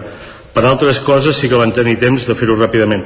Bé, estaria bé una rectificació per part seva dient la veritat de per què no vam anar a la roda de premsa. I aquesta va ser la resposta al ple del regidor de Participació Ciutadana, Xevi Lozano. El 10 de febrer fem una reunió, ho treballem i posem les bases, acordem la manera de, de fer el procés, el, s'us passa el document de reglament, no dieu res, res, i quan es diu la roda de premsa conjunta per presentar el procés, el dissabte abans, el dissabte abans, dieu que no ho veieu clar. El portaveu de la CUP, Francesc Manrique, també va fer costat a Xevi Lozano intervenint al ple. Recordem que la presentació del procés participatiu per decidir la segona fase local, la segona festa, ara sí, local, a Tudelló, es va fer en una roda de premsa en presència de regidors de l'equip de govern d'Esquerra Republicana i també del PSC i la CUP. I ara anem cap a Caldes de Montbui perquè Maria Pilar Aznar, regidora a l'Ajuntament de Caldes entre el 2011 i el 2019, ha mort als 62 anys. Ona Codinenca, Caral Campàs. Pilar Aznar, regidora de l'equip de govern local de Caldes amb Esquerra Republicana. Entre el 2011 i el 2019 va morir divendres a l'edat de 62 anys després d'una llarga malaltia contra la que portava lluitant des de feia temps. Des de llavors s'han succeït les mostres de condol a través de les xarxes socials tant d'excompanys de govern com de l'Ajuntament en clau institucional i també des del partit, entre d'altres. Maria Pilar Aznar va prendre possessió del càrrec de regidora el juny de 2011. Va ser càrrec electe de l'administració local durant dos mandats. Primer com a regidora i membre del govern del 2011 al 2015 i tot seguit com a quarta tinenta d'alcaldia del 2015 al 2019. Durant la seva estada, el govern calderí va liderar regidories com Gent Gran, Treball, Acció Social, Igualtat d'Oportunitats, Participació Ciutadana i Voluntariat. El Boulder La Fusteria celebrava dissabte el seu 15è aniversari amb un Open Block. La festa a Cardedeu va començar a les 9 del matí per tota aquella gent que s'hi volgués enfilar i la jornada va acabar amb un dinar a la sala polivalent de la Tèxtil Rasa. Ens ho explica tot plegat la Núria Lázaro des de Ràdio Televisió de Cardedeu. El Boulder La Fusteria de Cardedeu celebra el seu 15è aniversari amb un Open Block de format competitiu i per tothom que volgués escalar. Més de 100 persones van gaudir de la festa que es va realitzar a la plaça 1 d'octubre, on també van participar en el mural comunitari del Boulder. La jornada va ser dinamitzada amb sessions de DJ a càrrec de l'home estàtic i un sorteig d'obsequis. El Boulder o escalada en bloc és un esport que ha crescut exponencialment en els últims anys i sobretot des de la pandèmia i des de que el 2021 es va estrenar com a esport olímpic a les Olimpiades de Tòquio.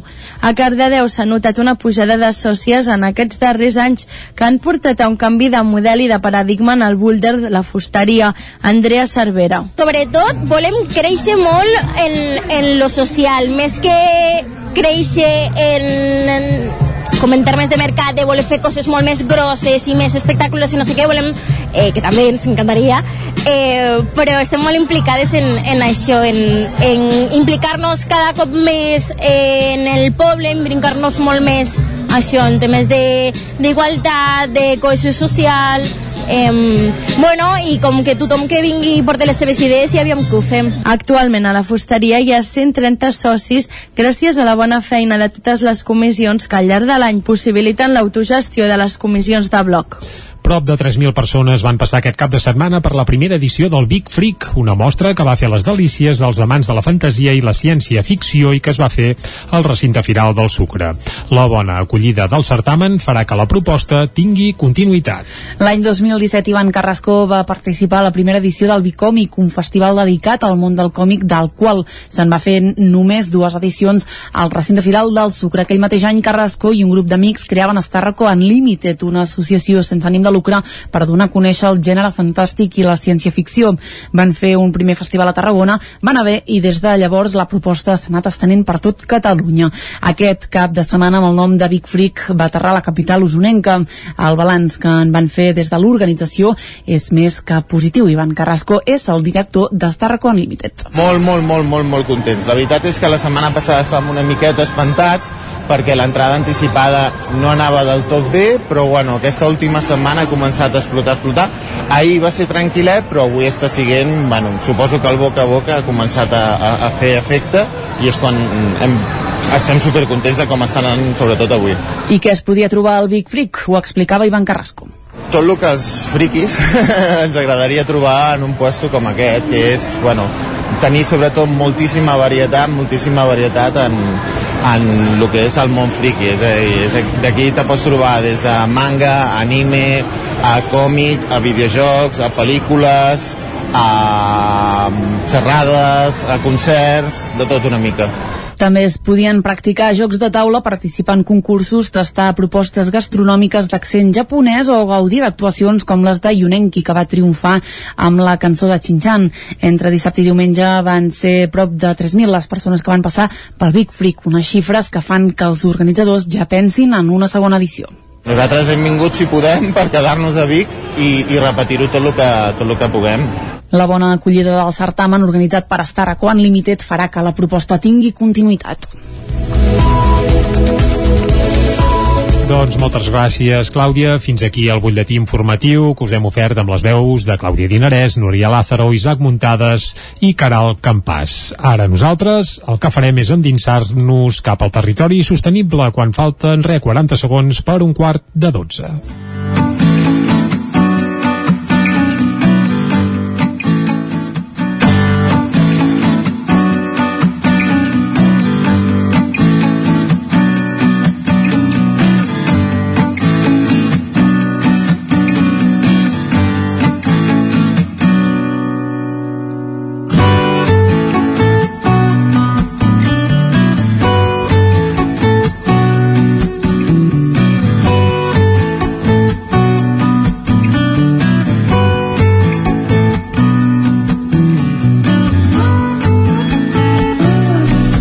Territori sostenible d'avui volem parlar d'uns visitants que ens solen acompanyar cada primavera. Volem parlar de les orenetes, de la seva importància en el nostre medi i per això volem eh, parlar-ne amb la Pilar Clapés, membre del FANAL, l'entitat ecologista del Moianès, que està eh, fent posar en valor la presència i eh, la cura d'aquests animals eh, que ens visiten i que són part de, del nostre medi ambient.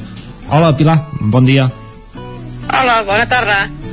Pilar, eh, hem, vist que des del Fanal esteu fent eh, diferents activitats relacionades amb, amb les orenetes eh, aquests dies aquí al, al Moianès.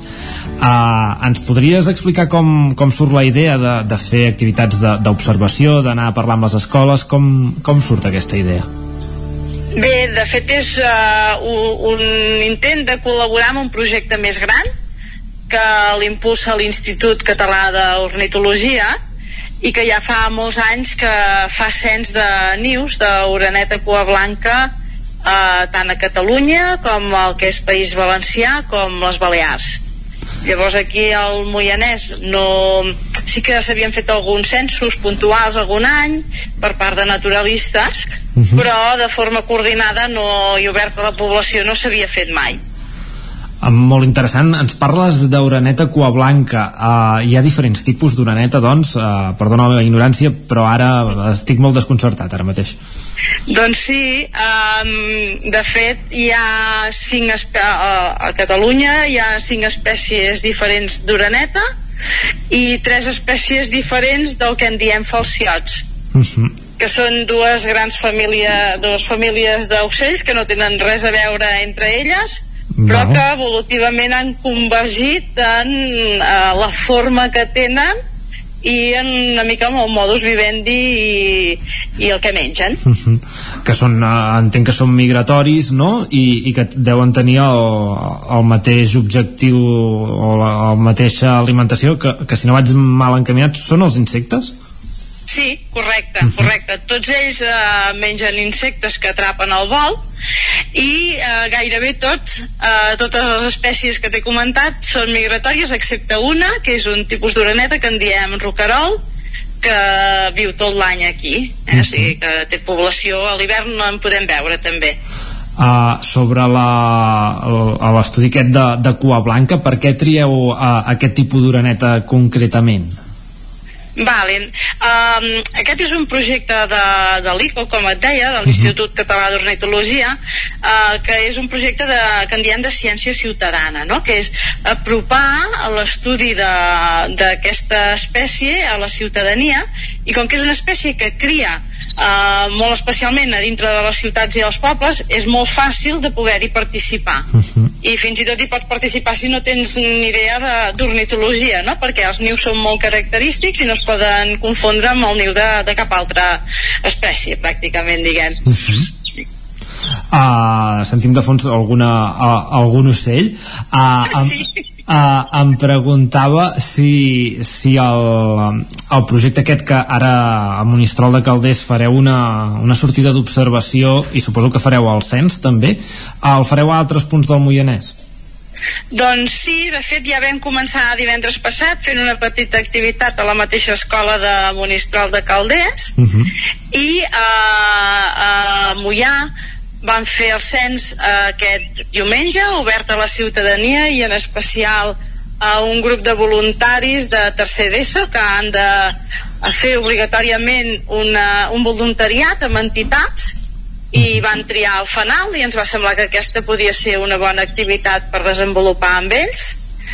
I a Monistrol es farà aquest dissabte a Castellterçol es farà també aquest dissabte a través de l'Esplai els Dracs uh -huh. el faran les pròpies monitores amb els seus uh, nois uh -huh. i noies i veig que, I veig que doncs... sí, també estem mirant de muntar alguna coseta encara uh -huh. si és a temps perquè això es pot fer fins a finals de juliol uh -huh. i a l'Estany i a Calders ho fan naturalistes uh, directament que ja ho havien fet altres anys vull dir que tenim coberts uh, uns quants municipis del Moianès, ens en falta algun, però esperem que molts anys els puguem anar cobrint tots. Uh, mo molt bé, veig que col·laboreu doncs, amb entitats i, i persones uh, a nivell de tota la comarca. Sí, la idea és això que um, quanta més gent s'impliqui i, i s'ho faci seu, no? Mhm. -huh. més serà la visió de, i les ganes de, de protegir-ho, no? Perquè el cens és una mica una excusa perquè la gent conegui i conegui també la necessitat de protegir doncs, aquestes espècies, de, en concret l'oraneta cua blanca, però altres espècies d'oraneta o fins i tot mhm. d'ocells i d'altra fauna. Sobre aquestes espècies d'oraneta, eh, ens comentaves que una, que una es queda aquí, les altres eh, són migratòries. Quin és el cicle, o sigui, eh, el calendari quan les podem veure aquí, quan arriben, quan marxen, quan tornen, uh, quin és el seu trajecte? Valen, uh, aquestes espècies uh, ens arriben a la primavera, uh, van arribant segons l'espècie arriba abans o després, primers uh -huh. que arriben doncs a l'oreneta comú, després als falciats també, una mica més tard les cua blanques, i van arribant tots, i llavors de cara a inicis de tardor, doncs llavors és quan eh, ja ens deixen, eh? I, uh -huh. i llavors trobem que hi ha moltes mosques de cop, no? I molts mosquits, perquè encara fa bo i encara hi ha mosques i mosquits, però ja no els persegueixen ni se'ls mengen i, i ho notem bastant fort, eh? A finals d'estiu, quan, quan marxen i uh -huh. ostres que pesades, quan més que hi ha tantes mosques no? és que ja ens han marxat Val, doncs no, no hi havia parat a, a pensar-ho, però, però té, molt, té molt sentit. Uh, llavors entenc que marxen cap a, cap a l'Àfrica, no? Quan no són aquí, sí. uh, travessen el Mediterrani. Sí, correcte, correcte. Totes -huh. aquestes espècies doncs, viuen a, a una part important de, de l'any a l'Àfrica i venen aquí doncs, a, a criar uh -huh. bàsicament, que és quan fa bon temps i hi ha mosques, hi ha mosquits i hi ha força aliment disponible, doncs és quan venen aquí. Després ja quan ha de fer fred i així, que ja no hi ha tants insectes, doncs a l'Àfrica hi tornen a trobar aliment, no? També et volia preguntar, clar, eh, que feu aquest cens, entenc que hi deu haver un perill de, de, de desaparició que, o que esteu a l'alerta amb alguna d'aquestes espècies d'uraneta. Bueno, més que res que abans, eh, jo recordo, jo soc de Mollà, Ara visc a Castellterçol, però tota la vida havia viscut a Mollà i quan era més jove, doncs, eh, hi havia moltíssimes, saps? Eh, gairebé tots els balcons o sota els ràfecs de les taulades hi havia nius d'oreneta cua blanca i a poc a poc els hem anat traient, no? Doncs fem una reforma a la façana perquè quedi ben neta, traiem el niu d'oreneta o resulta que el niu d'oreneta ens cau just a la porta de casa i això em pipa molt perquè, clar, vulguis que no, doncs fan feines, no? I va Sí. caient a, a, a terra, no? I doncs traiem el niu, no? I això ha sigut una pràctica habitual. De fet, fa molts anys que tots els ocells insectius estan protegits per llei i, per tant, això no es pot fer. Mhm. Um, però encara jo crec que hi ha molt desconeixement, no? Sí, I ah.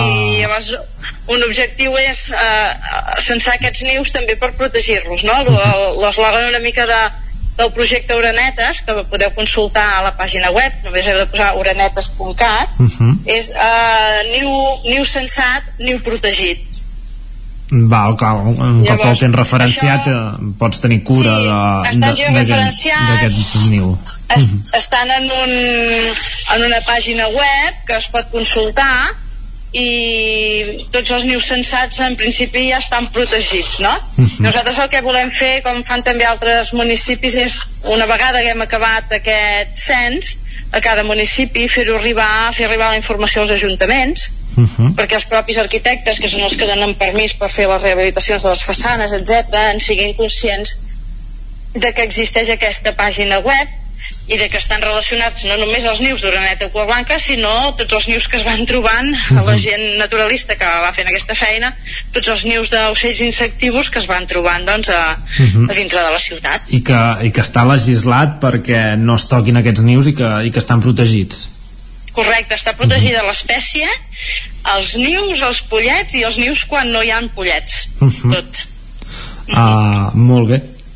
Doncs uh, per anar acabant, recordem les activitats. Uh, observació i, i cens d'orenetes i de nius aquest cap de setmana a Monistrol de Calders. Sí, el divendres de 6 a 8 de la tarda. Molt bé, doncs esperem que vagi molt bé i, petita. i que, i que s'assumi i que molta gent. Molt bé, moltes gràcies. Ja, Qui s'animi, doncs ja, ja ho saben, poden venir i si no, eh, també es pot fer per iniciativa pròpia, és a dir, no cal que sigui un col·lectiu, és entrar a la pàgina, de, de, a la pàgina web d'uranetes.cat i si, per exemple, a Collsospina, Santa Maria d'Oló o qualsevol altre lloc que no, que no estiguem fent el cens ara, doncs eh, algú s'hi vol apuntar, només s'ha de registrar i, i ja ho pot fer. És ben fàcil i està molt ben explicat a la pàgina web. Molt bé, doncs animem a la gent a, a participar i nosaltres ens despedim per avui. Moltes gràcies, Pilar. A tu. Adéu. I fins aquí el Territori Sostenible d'avui. Nosaltres tornem la setmana que ve amb més Territori Sostenible.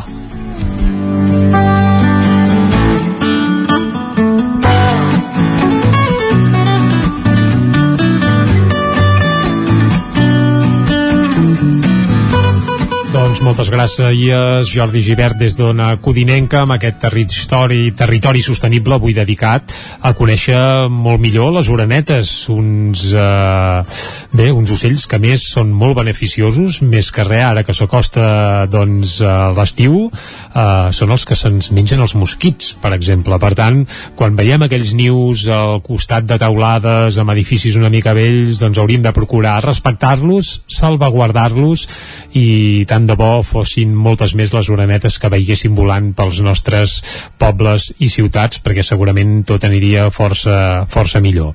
Bé, fet aquest apunt de territori sostenible, ara nosaltres el que ens tocarà fer és una breu pausa, tornarem a dos quarts en punt eh, de 12, com sempre aquí a Territori 17 i ho farem pujant a la R3 com cada dia a la Trenc d'Alba i després ens queda encara repassar tot de propostes culturals per aquest cap de setmana. Ho farem, com sempre, amb l'agenda amb la qual acabem els territoris 17 tots els dimecres. Per tant, no margeu pas. Una pausa i tornem de seguida pujant a la R3. Fins ara.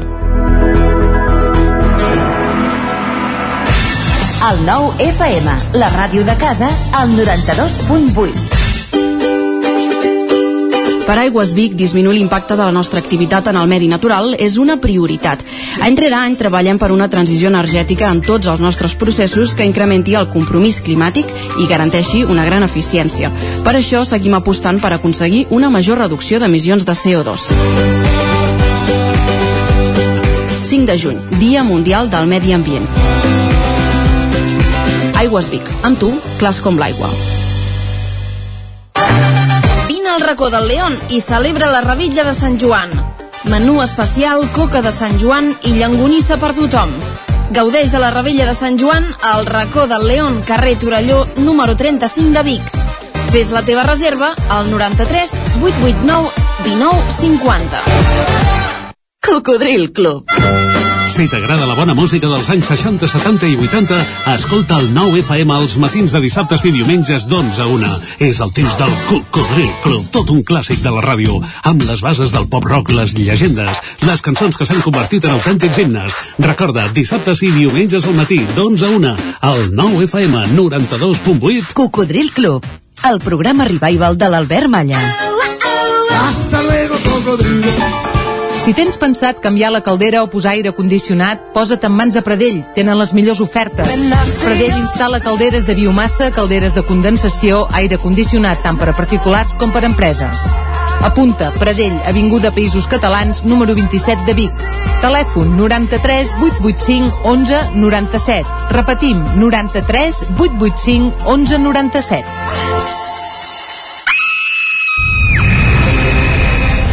Sherlock Holmes ha mort i Watson necessita la vostra ajuda per tornar enrere en el temps i trobar el punt exacte per salvar-lo del parany de Moriarty. Posa't en la pell del detectiu britànic i resol tots els enigmes en menys de 60 minuts per poder escapar. Elementary Escape Room de Vic, una aventura per a tota la família. Fes la teva reserva per WhatsApp amb el codi La Ràdio de Sherlock i aconseguiràs un 10% de descompte. Ens trobaràs de dijous a diumenge al carrer de la Fusina 22 de Vic per telèfon i WhatsApp al 622 85 54 17 o elementary.cat. Arriba la tretzena Fira de la Ratafia de Centelles. L'11 i el 12 de juny vine a descobrir tots els secrets d'aquesta beguda mil·lenària. Hi trobaràs parades per conèixer tots els tipus, xerrades, tallers pràctics per fer la teva pròpia ratafia o remeis casolans i coneixerem el guanyador del 13è concurs de ratafies casolanes de Centelles. L'11 i el 12 de juny tens una cita amb la ratafia a Centelles. El 9 FM.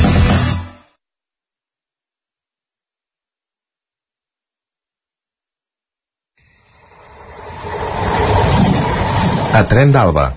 Cada dia els usuaris de la línia R3 de Rodalies que veuen sortir el sol des d'un vagó ens expliquen les gràcies i les penes del primer comboi que uneix Ripoll i Barcelona.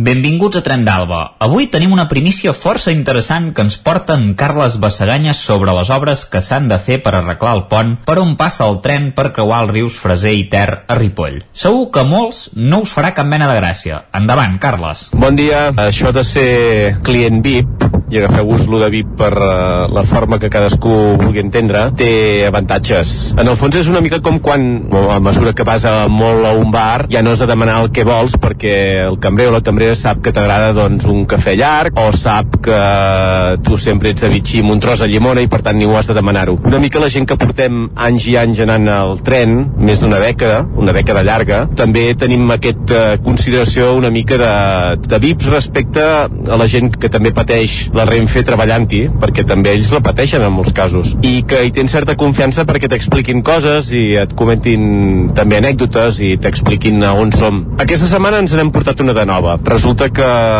un mes i 15 dies després de que fessin la brillant reestructuració d'horaris que el Ripollès els ha, i ens ha perjudicat tant, entre altres amb la supressió del tren bala, ens hem assabentat que aquest mes d'agost, producte precisament de les obres que s'hauran de fer mm, del pont de Ripoll en direcció nord, doncs doncs a partir de l'agost i per un període que suposadament hauria de ser de 5 mesos tallaran el trànsit ferroviari de Ripoll en amunt, per tant cap a Cerdanya es farà tot amb autobusos i això el que provoca és que tot l'aparcament del davant de l'estació de tren, tot el que són aquells eh, castanyers i tot l'espai tancat que s'utilitza doncs, habitualment pels passatgers i no passatgers del tren i que l'utilitzem doncs, per aparcar i en el cas del matí doncs, a vegades anant amb una mica el temps just per, per, per deixar el cotxe allà, doncs a partir de l'agost el que deia i per 5 mesos, si no són 10 o si no són 12, ens el tancaran. Ens el tancaran perquè el necessiten precisament per fer el carregament i la descàrrega dels passatgers en els trajectes de Ripoll cap a Cerdanya. Per tant, eh, ja veieu, no tots són males notícies, sinó que sempre poden ser pitjors. A reveure, adeu-siau. Doncs quina mala notícia ens acabes de donar, perquè en aquell aparcament jo crec que hi caben un centenar llarg de cotxes, ja que evidentment no només ho utilitzen els passatgers del tren, sinó que la gent que va comprar aquella zona o els veïns també en són usuaris habituals. Esperem que l'Ajuntament pugui habilitar algun lloc alternatiu perquè aquella zona es quedarà molt minvada d'aparcament. El carrer Progrés perdrà la seva gran bossa d'aparcaments. Per cert, jo el sol que utilitzava bastant quan vaig a cobrir el ple del Consell Comarcal o vaig a aquesta institució per qualsevol altra cosa. Ara hauré d'anar a aparcar al pàrquing de sota Caganell, que hi caben uns 40 vehicles i és una mica més lluny. Però bé, farem esport i anirem tot caminant. Va, ens retrobem demà amb més històries del tren i de l'R3. Territori 17. Doncs bé, ja tenim comprovat que un dels principals damnificats per aquest eh, desaparició d'aquest famós aparcament a Ripoll serà l'Isaac Muntades. Vinga, ara nosaltres el que ens toca, quan passen 3 minuts de dos quarts de 12 del matí aquí a Territori 17, és repassar i acostar-vos tot un seguit de propostes culturals per fer durant el cap de setmana. Un cap de setmana, recordem-ho, que és especialment llarg perquè, clar, dissabte, diumenge i també dilluns, Pasqua Granada, segona Pasqua, un festiu que habitualment algunes poblacions agafaven com a festiu local, però que aquest any és festiu d'àmbit nacional. Per tant, dilluns no tindrem Territori 17 i alguna de les propostes culturals que us proposarem segur que potser també també s'hi val a fer-la o gaudir-la dilluns. Va, i aquest repàs, com sempre, el farem visitant totes les delegacions del Territori 17 i arrencarem anant cap a Ràdio Cardedeu amb l'Òscar Muñoz. Òscar, molt bon dia. Bon dia. I bona hora. Doncs sí. Cap de setmana llarg, eh? Uh, que això Cap de vol setmana dir, llarg. Deixem dir que això vol dir que, com que és de pont, o llarg, o diguem-hi com vulguem, Mhm. també hi ha molta gent que aprofitarà, mm, bàsicament, per, per, per anar a la platja, ras i curt, eh? No sé si Exacte. serà el teu cas o no, Òscar. Què? Doncs potser sí, potser, sí. sí, seria... Són bones dates ja per començar a anar a la platja. I doncs es notarà molt que això que la gent marxarà ja que en aquests, aquesta zona del Vallès doncs s'ha programat poca cosa culturalment suposo que ja preveient que anirien eh, doncs la gent marxaria fora de pont així que bueno, fem un petit repàs eh, cultural d'aquesta zona Doncs començant va, per. Cardedeu Exacte. Divendres, re, recordar que es farà el concurs d'instituts d'Onda BS, el primer programa concurs d'interinstituts sobre els objectius de desenvolupament sostenible organitzat eh, al marc de la celebració del Mercat Audiovisual de Catalunya. Aquí es farà a Ràdio Televisió de Cardedeu i farem la presentació del programa de la Juliana Canet. A Llinars, eh, recordem, Juliana, bueno, aquesta setmana... és de Cardedeu. La Juliana, sí. Exacte, sí, sí, sí, és tot quilòmetre zero. Llavors, doncs, això que tot queda aquí a, a Cardedeu, aquest programa, doncs també participaran els, els, les escoles d'aquí del poble. Molt bé. Uh, després, doncs això, a Cardedeu no hi ha gran cosa més aquest cap de setmana, o sigui, no hi ha més. Així que ens anem a Llinars, que aquesta setmana està celebrant la Setmana de la Sostenibilitat com a distinció turística certificada del compromís Biosfera, doncs dins d'aquest programa que promou una gestió de responsable i respectuosa amb el medi ambient, la cultura i el retorn social i econòmic. Doncs seguint amb aquest compromís, Llinars s'ha organitzat unes jornades per conscienciar la gent de, sobre això, sobre el compromís que tenim sobre la Terra. I això és. S'ha organitzat unes jornades de neteja dels voltants del poble eh, regalant plantes als alumnes d'educació infantil i primària i divendres doncs, aprofitant el mercat i tots els comerços de Llinars es regalaran diferents eh, tàpers de vidre o bosses de malla per les fruites o bosses de tela per als fons de pa per posar doncs, el, el pa. Eh, tot això doncs, a Llinars faran aquest, aquest seguit aquesta setmana de, de la sostenibilitat anem a Granollers. Tampoc, tampoc hi ha massa cosa culturalment el gruix ve divendres que comença la cantània al Teatre Auditori de Granollers o sigui, acollirà aquesta setmana més de 4.000 alumnes de tota la comarca per representar l'obra d'aquest any Clara, l'art per dins Deixa'm dir, uh, Òscar, que el cap de setmana Sí? passat es va poder veure l'Atlàntida de Vic. Recordem que el Cantània es fa Ah, arreu de Catalunya Arreu. i que, evidentment, Mhm. té diferents uh, escenaris i diferents seus. Aquest cap de setmana toca Granollers. Granollers d'aquest divendres fins diumenge que ve. Totes les escoles doncs, passaran per al Teatre Auditori així que el Teatre Auditori estarà ja complert per tots aquests nens de, de les cantànies així que no trobem massa programació cultural al, a l'auditori deixem fer una crida I als acabem- papes i mames d'aquests nens o tutors. Uh, no aneu a la platja, els vostres infants han treballat durant mesos el repertori d'aquesta fantàstica cantata.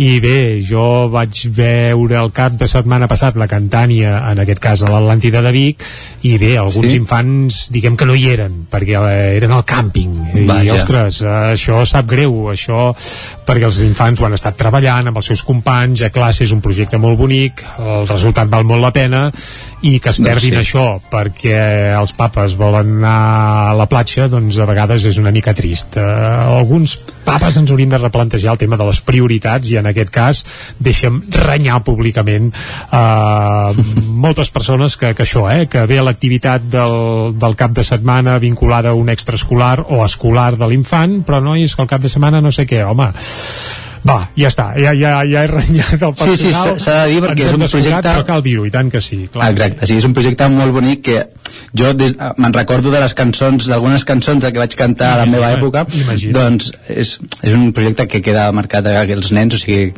no feu el lleig d'anar-vos a la platja.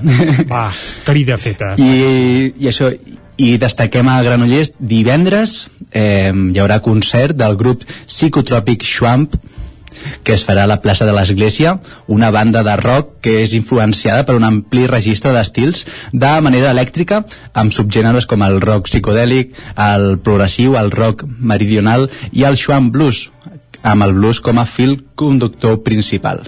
Bufa, doncs això sona, sona bé, sona bé. Exacte. I comentaves que dilluns és festiu, tot això, sí. doncs acabem amb una activitat que en, doncs, agrupa doncs, a, molts, a moltes poblacions d'aquí del territori de, de, de sota del Montseny. Eh, comença dilluns i és el Montseny Circuit d'Art. És un grup de centres culturals del Vallès Oriental s'han unit per impulsar un circuit artístic que promou la creació del territori i dona visibilitat als artistes locals. Participen la Rectoria Vella de Sant Celoni el Centre d'Art Contemporani Ni d'Art de Santa Maria de Palau Tordera l'Espai Ruscalleda i l'Espai d'Art de Llinars del Vallès i el Centre d'Art de la Rectoria Vella de Sant Pere de Vilamajor.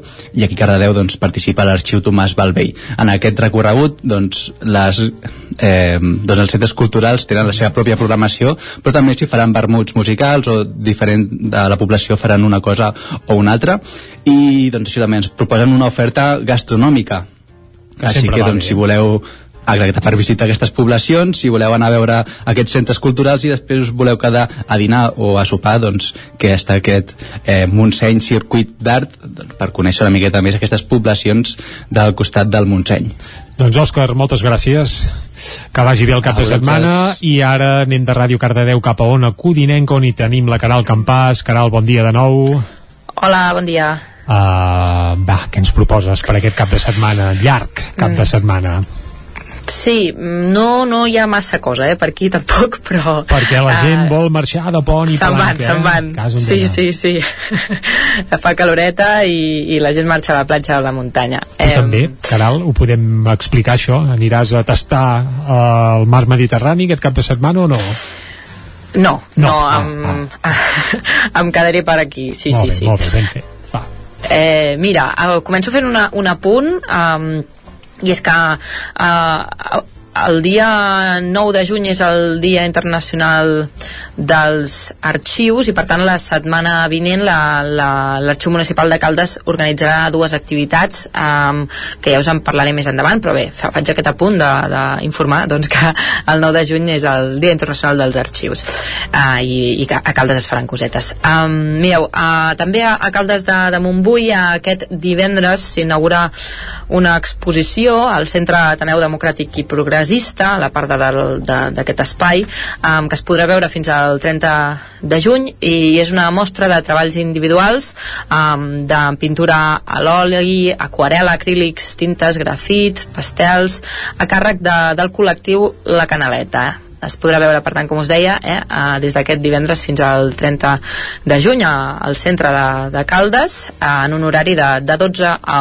a 11 de la nit cada dia. Molt bé. Um, després tenim una altra exposició aquí a Sant Feliu de Cúdines um, la vida de l'aigua. Eh, és una exposició que es pot eh, visitar a la Biblioteca Municipal Joan Petit i Aguilar eh, i es podrà veure fins al, fins al 17 de juny. És una exposició cedida per la Diputació de Barcelona i vol donar a conèixer doncs, el valor de l'aigua tant eh, pels ecosistemes fluvials com per la societat. I, i també vol fer una mica de conscienciació enfront a, a l'amenaça de, del canvi climàtic això es pot veure a la biblioteca d'aquí Sant Feliu.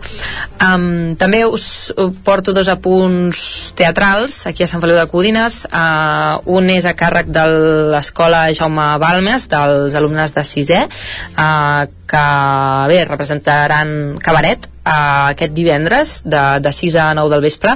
Serà al centre cívic la, la Fonteta i bé, les entrades tenen un preu de 3 euros i es poden adquirir uh, durant tota la setmana a la sortida de l'escola o a taquilla uh, aquell mateix dia a partir de les, de les 5 de la tarda al centre cívic la Fonteta.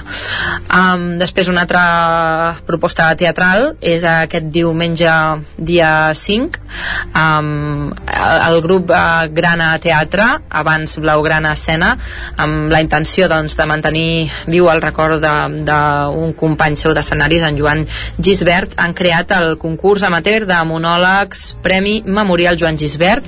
Uh, serà aquest diumenge de 6 a 8 de, del vespre uh, al centre cívic d'aquí a Sant Feliu de Codines, com us deia, una activitat organitzada pel grup uh, Grana Teatre. Uh, i al, al web de l'Ajuntament de, de Sant Feliu de Codines doncs hi ha uh, un link uh, per reservar la invitació. que, que és uh, gratuïta. Fantàstic. Després també us comento que al Museu Municipal Can Xifreda aquest diumenge de dos quarts de dotze a les dues um, organitzar doncs, diferents visites guiades amb entrada gratuïta. Els amics del museu doncs, organitzen aquesta iniciativa al Museu Municipal, com us deia. I acabo um, al Moianès i parlant de l'Estany, que organitzen una moguda que és el Moianès dibuix a dibuix. Um, per una banda, uh, de, fins al dia 12 de juny es pot veure aquesta exposició del Moianès dibuix a dibuix en horari de dilluns a diumenge de 10 a 2 i dimecres, dijous i divendres de 5 a 8 a la sala polivalent de la Casa de la Cultura. I uh, també paral·lelament a això uh, aquest uh, dissabte 4 de juny uh, organitzen el 50è sketch moianès a l'Estany uh, que serà una activitat que es farà durant tot el matí eh, de 10 a dos quarts de dues. Fantàstic déu nhi Caral, per haver-hi poca cosa Sí, no? Vale. Ah, està bé, està bé val, val. Va, doncs vinga, cosa, doncs, vinga dona vale. Codinenca, anirem cap a la veu de Sant Joan gràcies Caral, i ara qui saludarem és l'Isaac Muntades, de nou Isaac, molt bon dia molt bon dia Jordi el Ripollès, com ho tenim això? Tenim, tenim coses, eh? A banda de les activitats d'oci que us explicarem divendres, també n'hi ha de, de culturals. De fet, avui mateix, per exemple, eh, n'hi ha una que, que està molt bé, que és aquesta projecció d'aquest documental que es diu Enfam, que és un documental dirigit per Alba Barber i Serra, eh, que es farà doncs, al Museu Etnogràfic aquesta projecció a les 6 de la tarda amb la presència doncs, de, de la directora. Eh, N'havíem parlat al Territori 17 eh, en algun informatiu, que, perquè ja s'havia projectat a Sant Joan de les Abadeses, i parla eh, una mica sobre un local de Barcelona on s'hi practica doncs, el, el travestisme, no? Aquest, aquesta pràctica del cross-dressing mm -hmm. i, i que va obrir portes l'any 2006 i, i bé, en aquí doncs, eh, parlen doncs, amb una sèrie d'homes heterosexuals en aquest cas que, que, que porten una vida força normativa en parella i amb una sèrie de treballs eh, liberals però que en determinats moments doncs, volen mostrar el seu vessant femení i, i bé, també s'hi reuneixen evidentment persones transexuals però és un documental que, que tracta aquest tema i que, que està molt bé. Això seria una de, de les entitats que hi ha.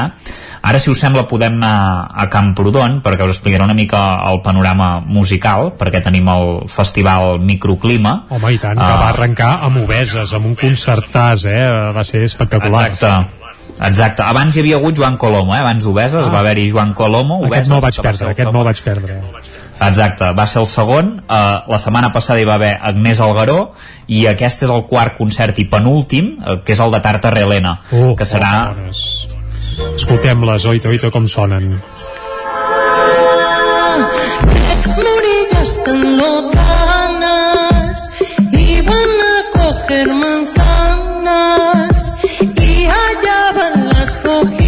Klassenheim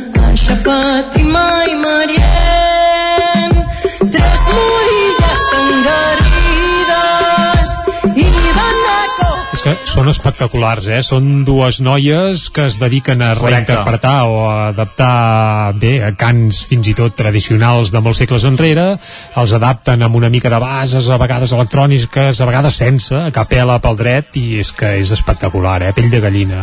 Saps? És m'ho has dit tot quasi bé, Jordi, Perdó, sí, perdó, efectivament. és que- No, no, no, no, no. És, és, es nota eh, que les coneixes. És un dels grans descobriments, bé, ja fa 3 o 4 anys que, Sí. que, que es poden escoltar, que van espategar en el món musical català, però és que la seva proposta, a part d'originalíssima, és espectacular.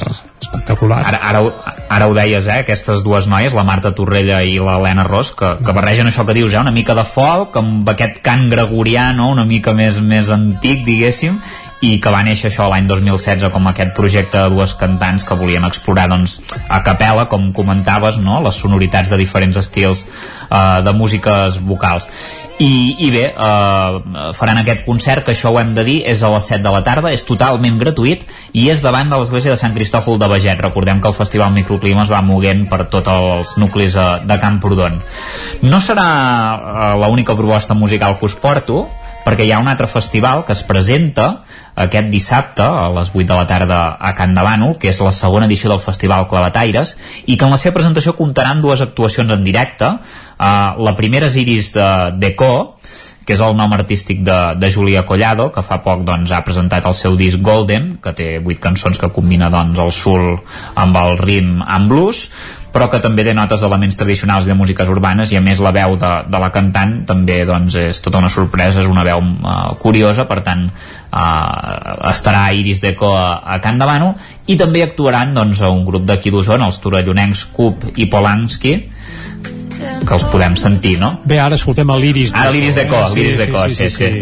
Amb el Flames, una peça espectacular que si més a més l'engoliu en format videoclip, la veritat és que també val molt la pena perquè és una proposta interessantíssima també, i tant que sí. Seguim, Isaac. No, això que us deia, doncs actuaran els torellonencs Cup i Polanski, que tocaran soul, rock i, i punk i també pop, i que es defineixen, ells mateixos es defineixen com un duo de, de punxadiscs, no com a disjòqueis, eh? Aquí eh, el matís és important. Eh, tot això es farà al cercle Can de Manolenc de, de Can de Manol, com us deia, dissabte a les 8 de, del vespre. I per acabar, Uh, tornem un moment a divendres perquè a les 7 del vespre doncs, s'inaugurarà al Museu Etnogràfic de Ripoll una exposició de Josep Ricard i Rial que es titula, entre altres coses, La llum segons J.W. Turner i la mostra es podrà veure fins al pròxim 1 de juliol i es podrà visitar de dimarts a dissabte de 10 a 2 quarts de dues i de 4 a 6 de la tarda i el diumenge uh, de 10 a 2 i el no, i us anava a dir que el divendres ja us explicaré una mica la- l'agenda d'oci que també hi ha algunes coses. Doncs va, divendres més agenda. Isaac, moltes gràcies. A vosaltres. Que vagi molt bé i del Ripollès ara baixem cap a Osona, on ja tenim a punt en Jordi Vilarrodà. Jordi, molt bon dia. Hola, molt bon dia. Tu molt al bon cap dia. de setmana seràs dels que aniràs a la platja aprofitant ponts i palanques o et quediràs a gaudir, per exemple, del so de les cases doncs a nit? em tocarà gaudir del so de les cases i d'altres coses perquè toca treballar aquest cap de setmana i, i amb alegria perquè, perquè ja ho diem, hi ha coses interessants i sobretot ara que ja comencen a flacar moltes programacions i que no tenim una oferta gaire de àmplia teatre, pràcticament...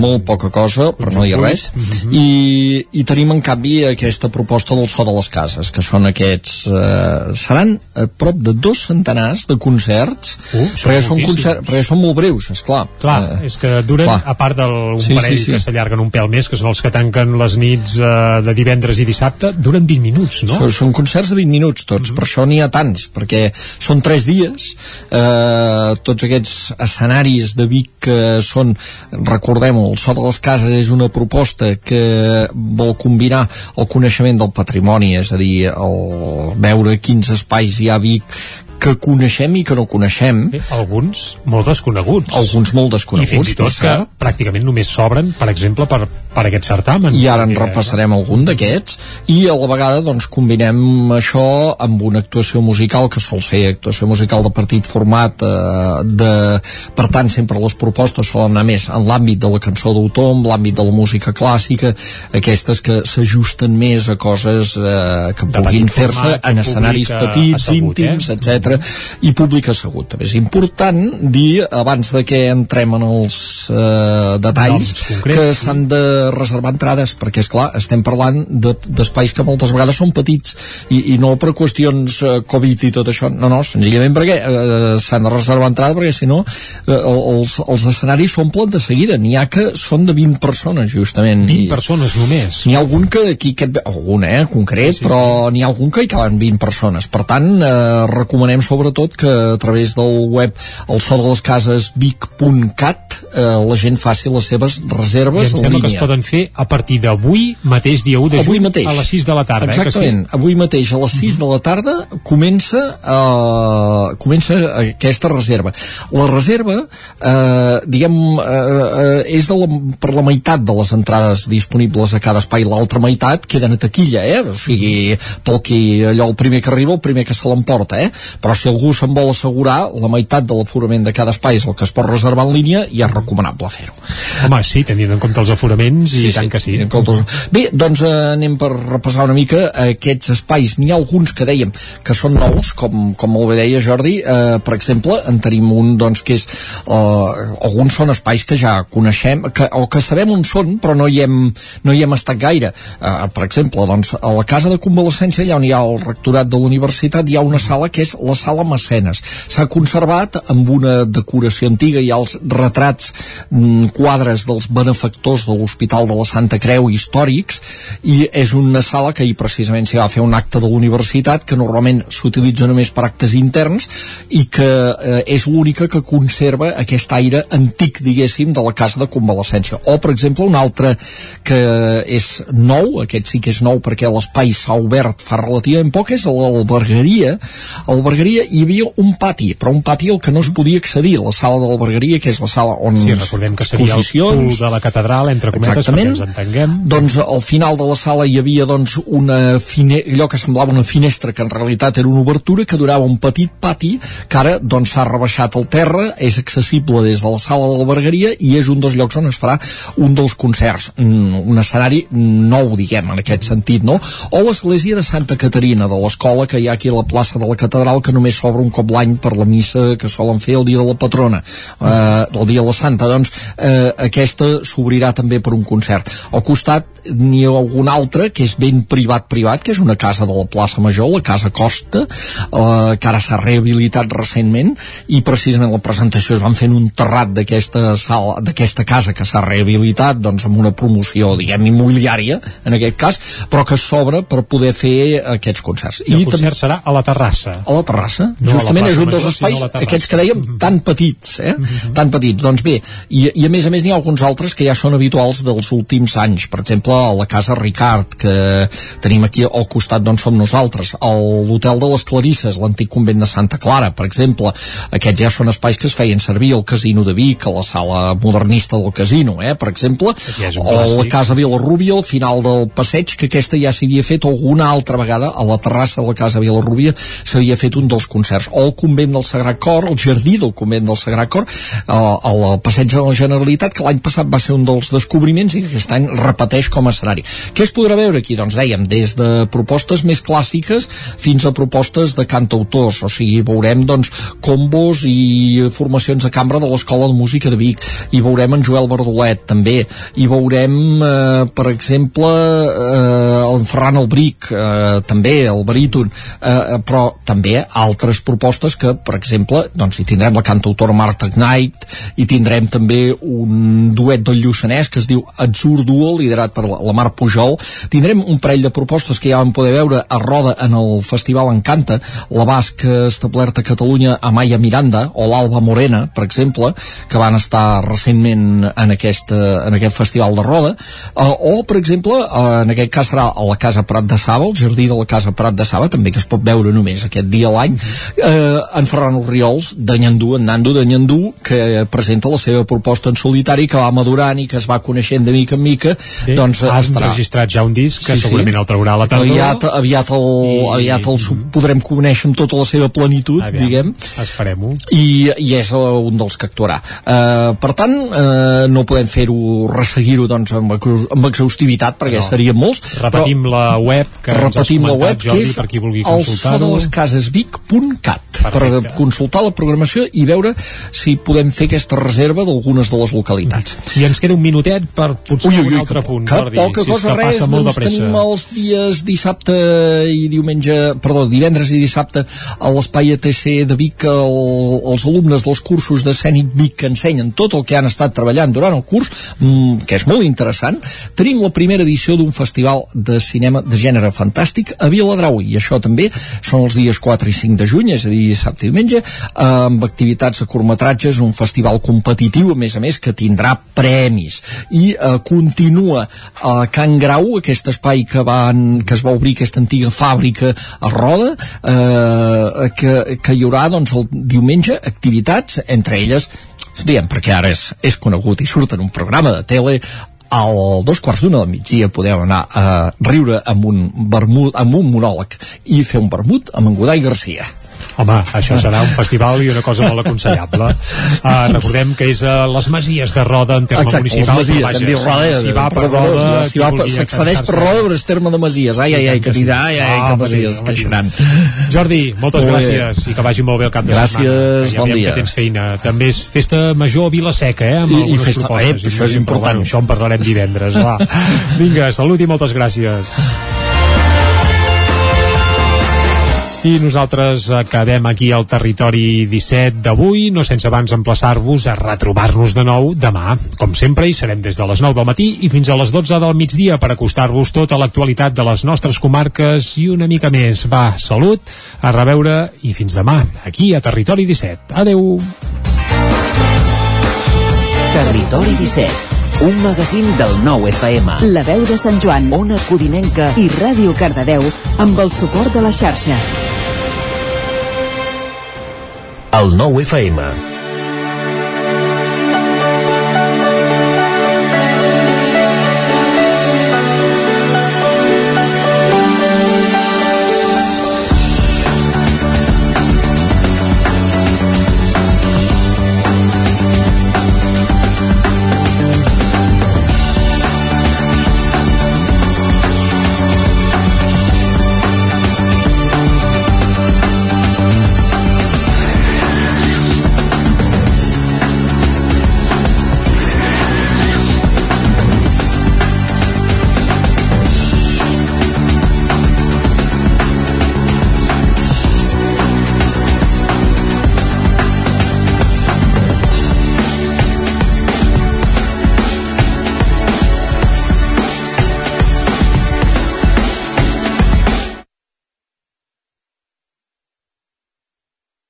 El nou FM, la ràdio d'Osona. És l'hora del racó de León, restaurant bar. El nou FM.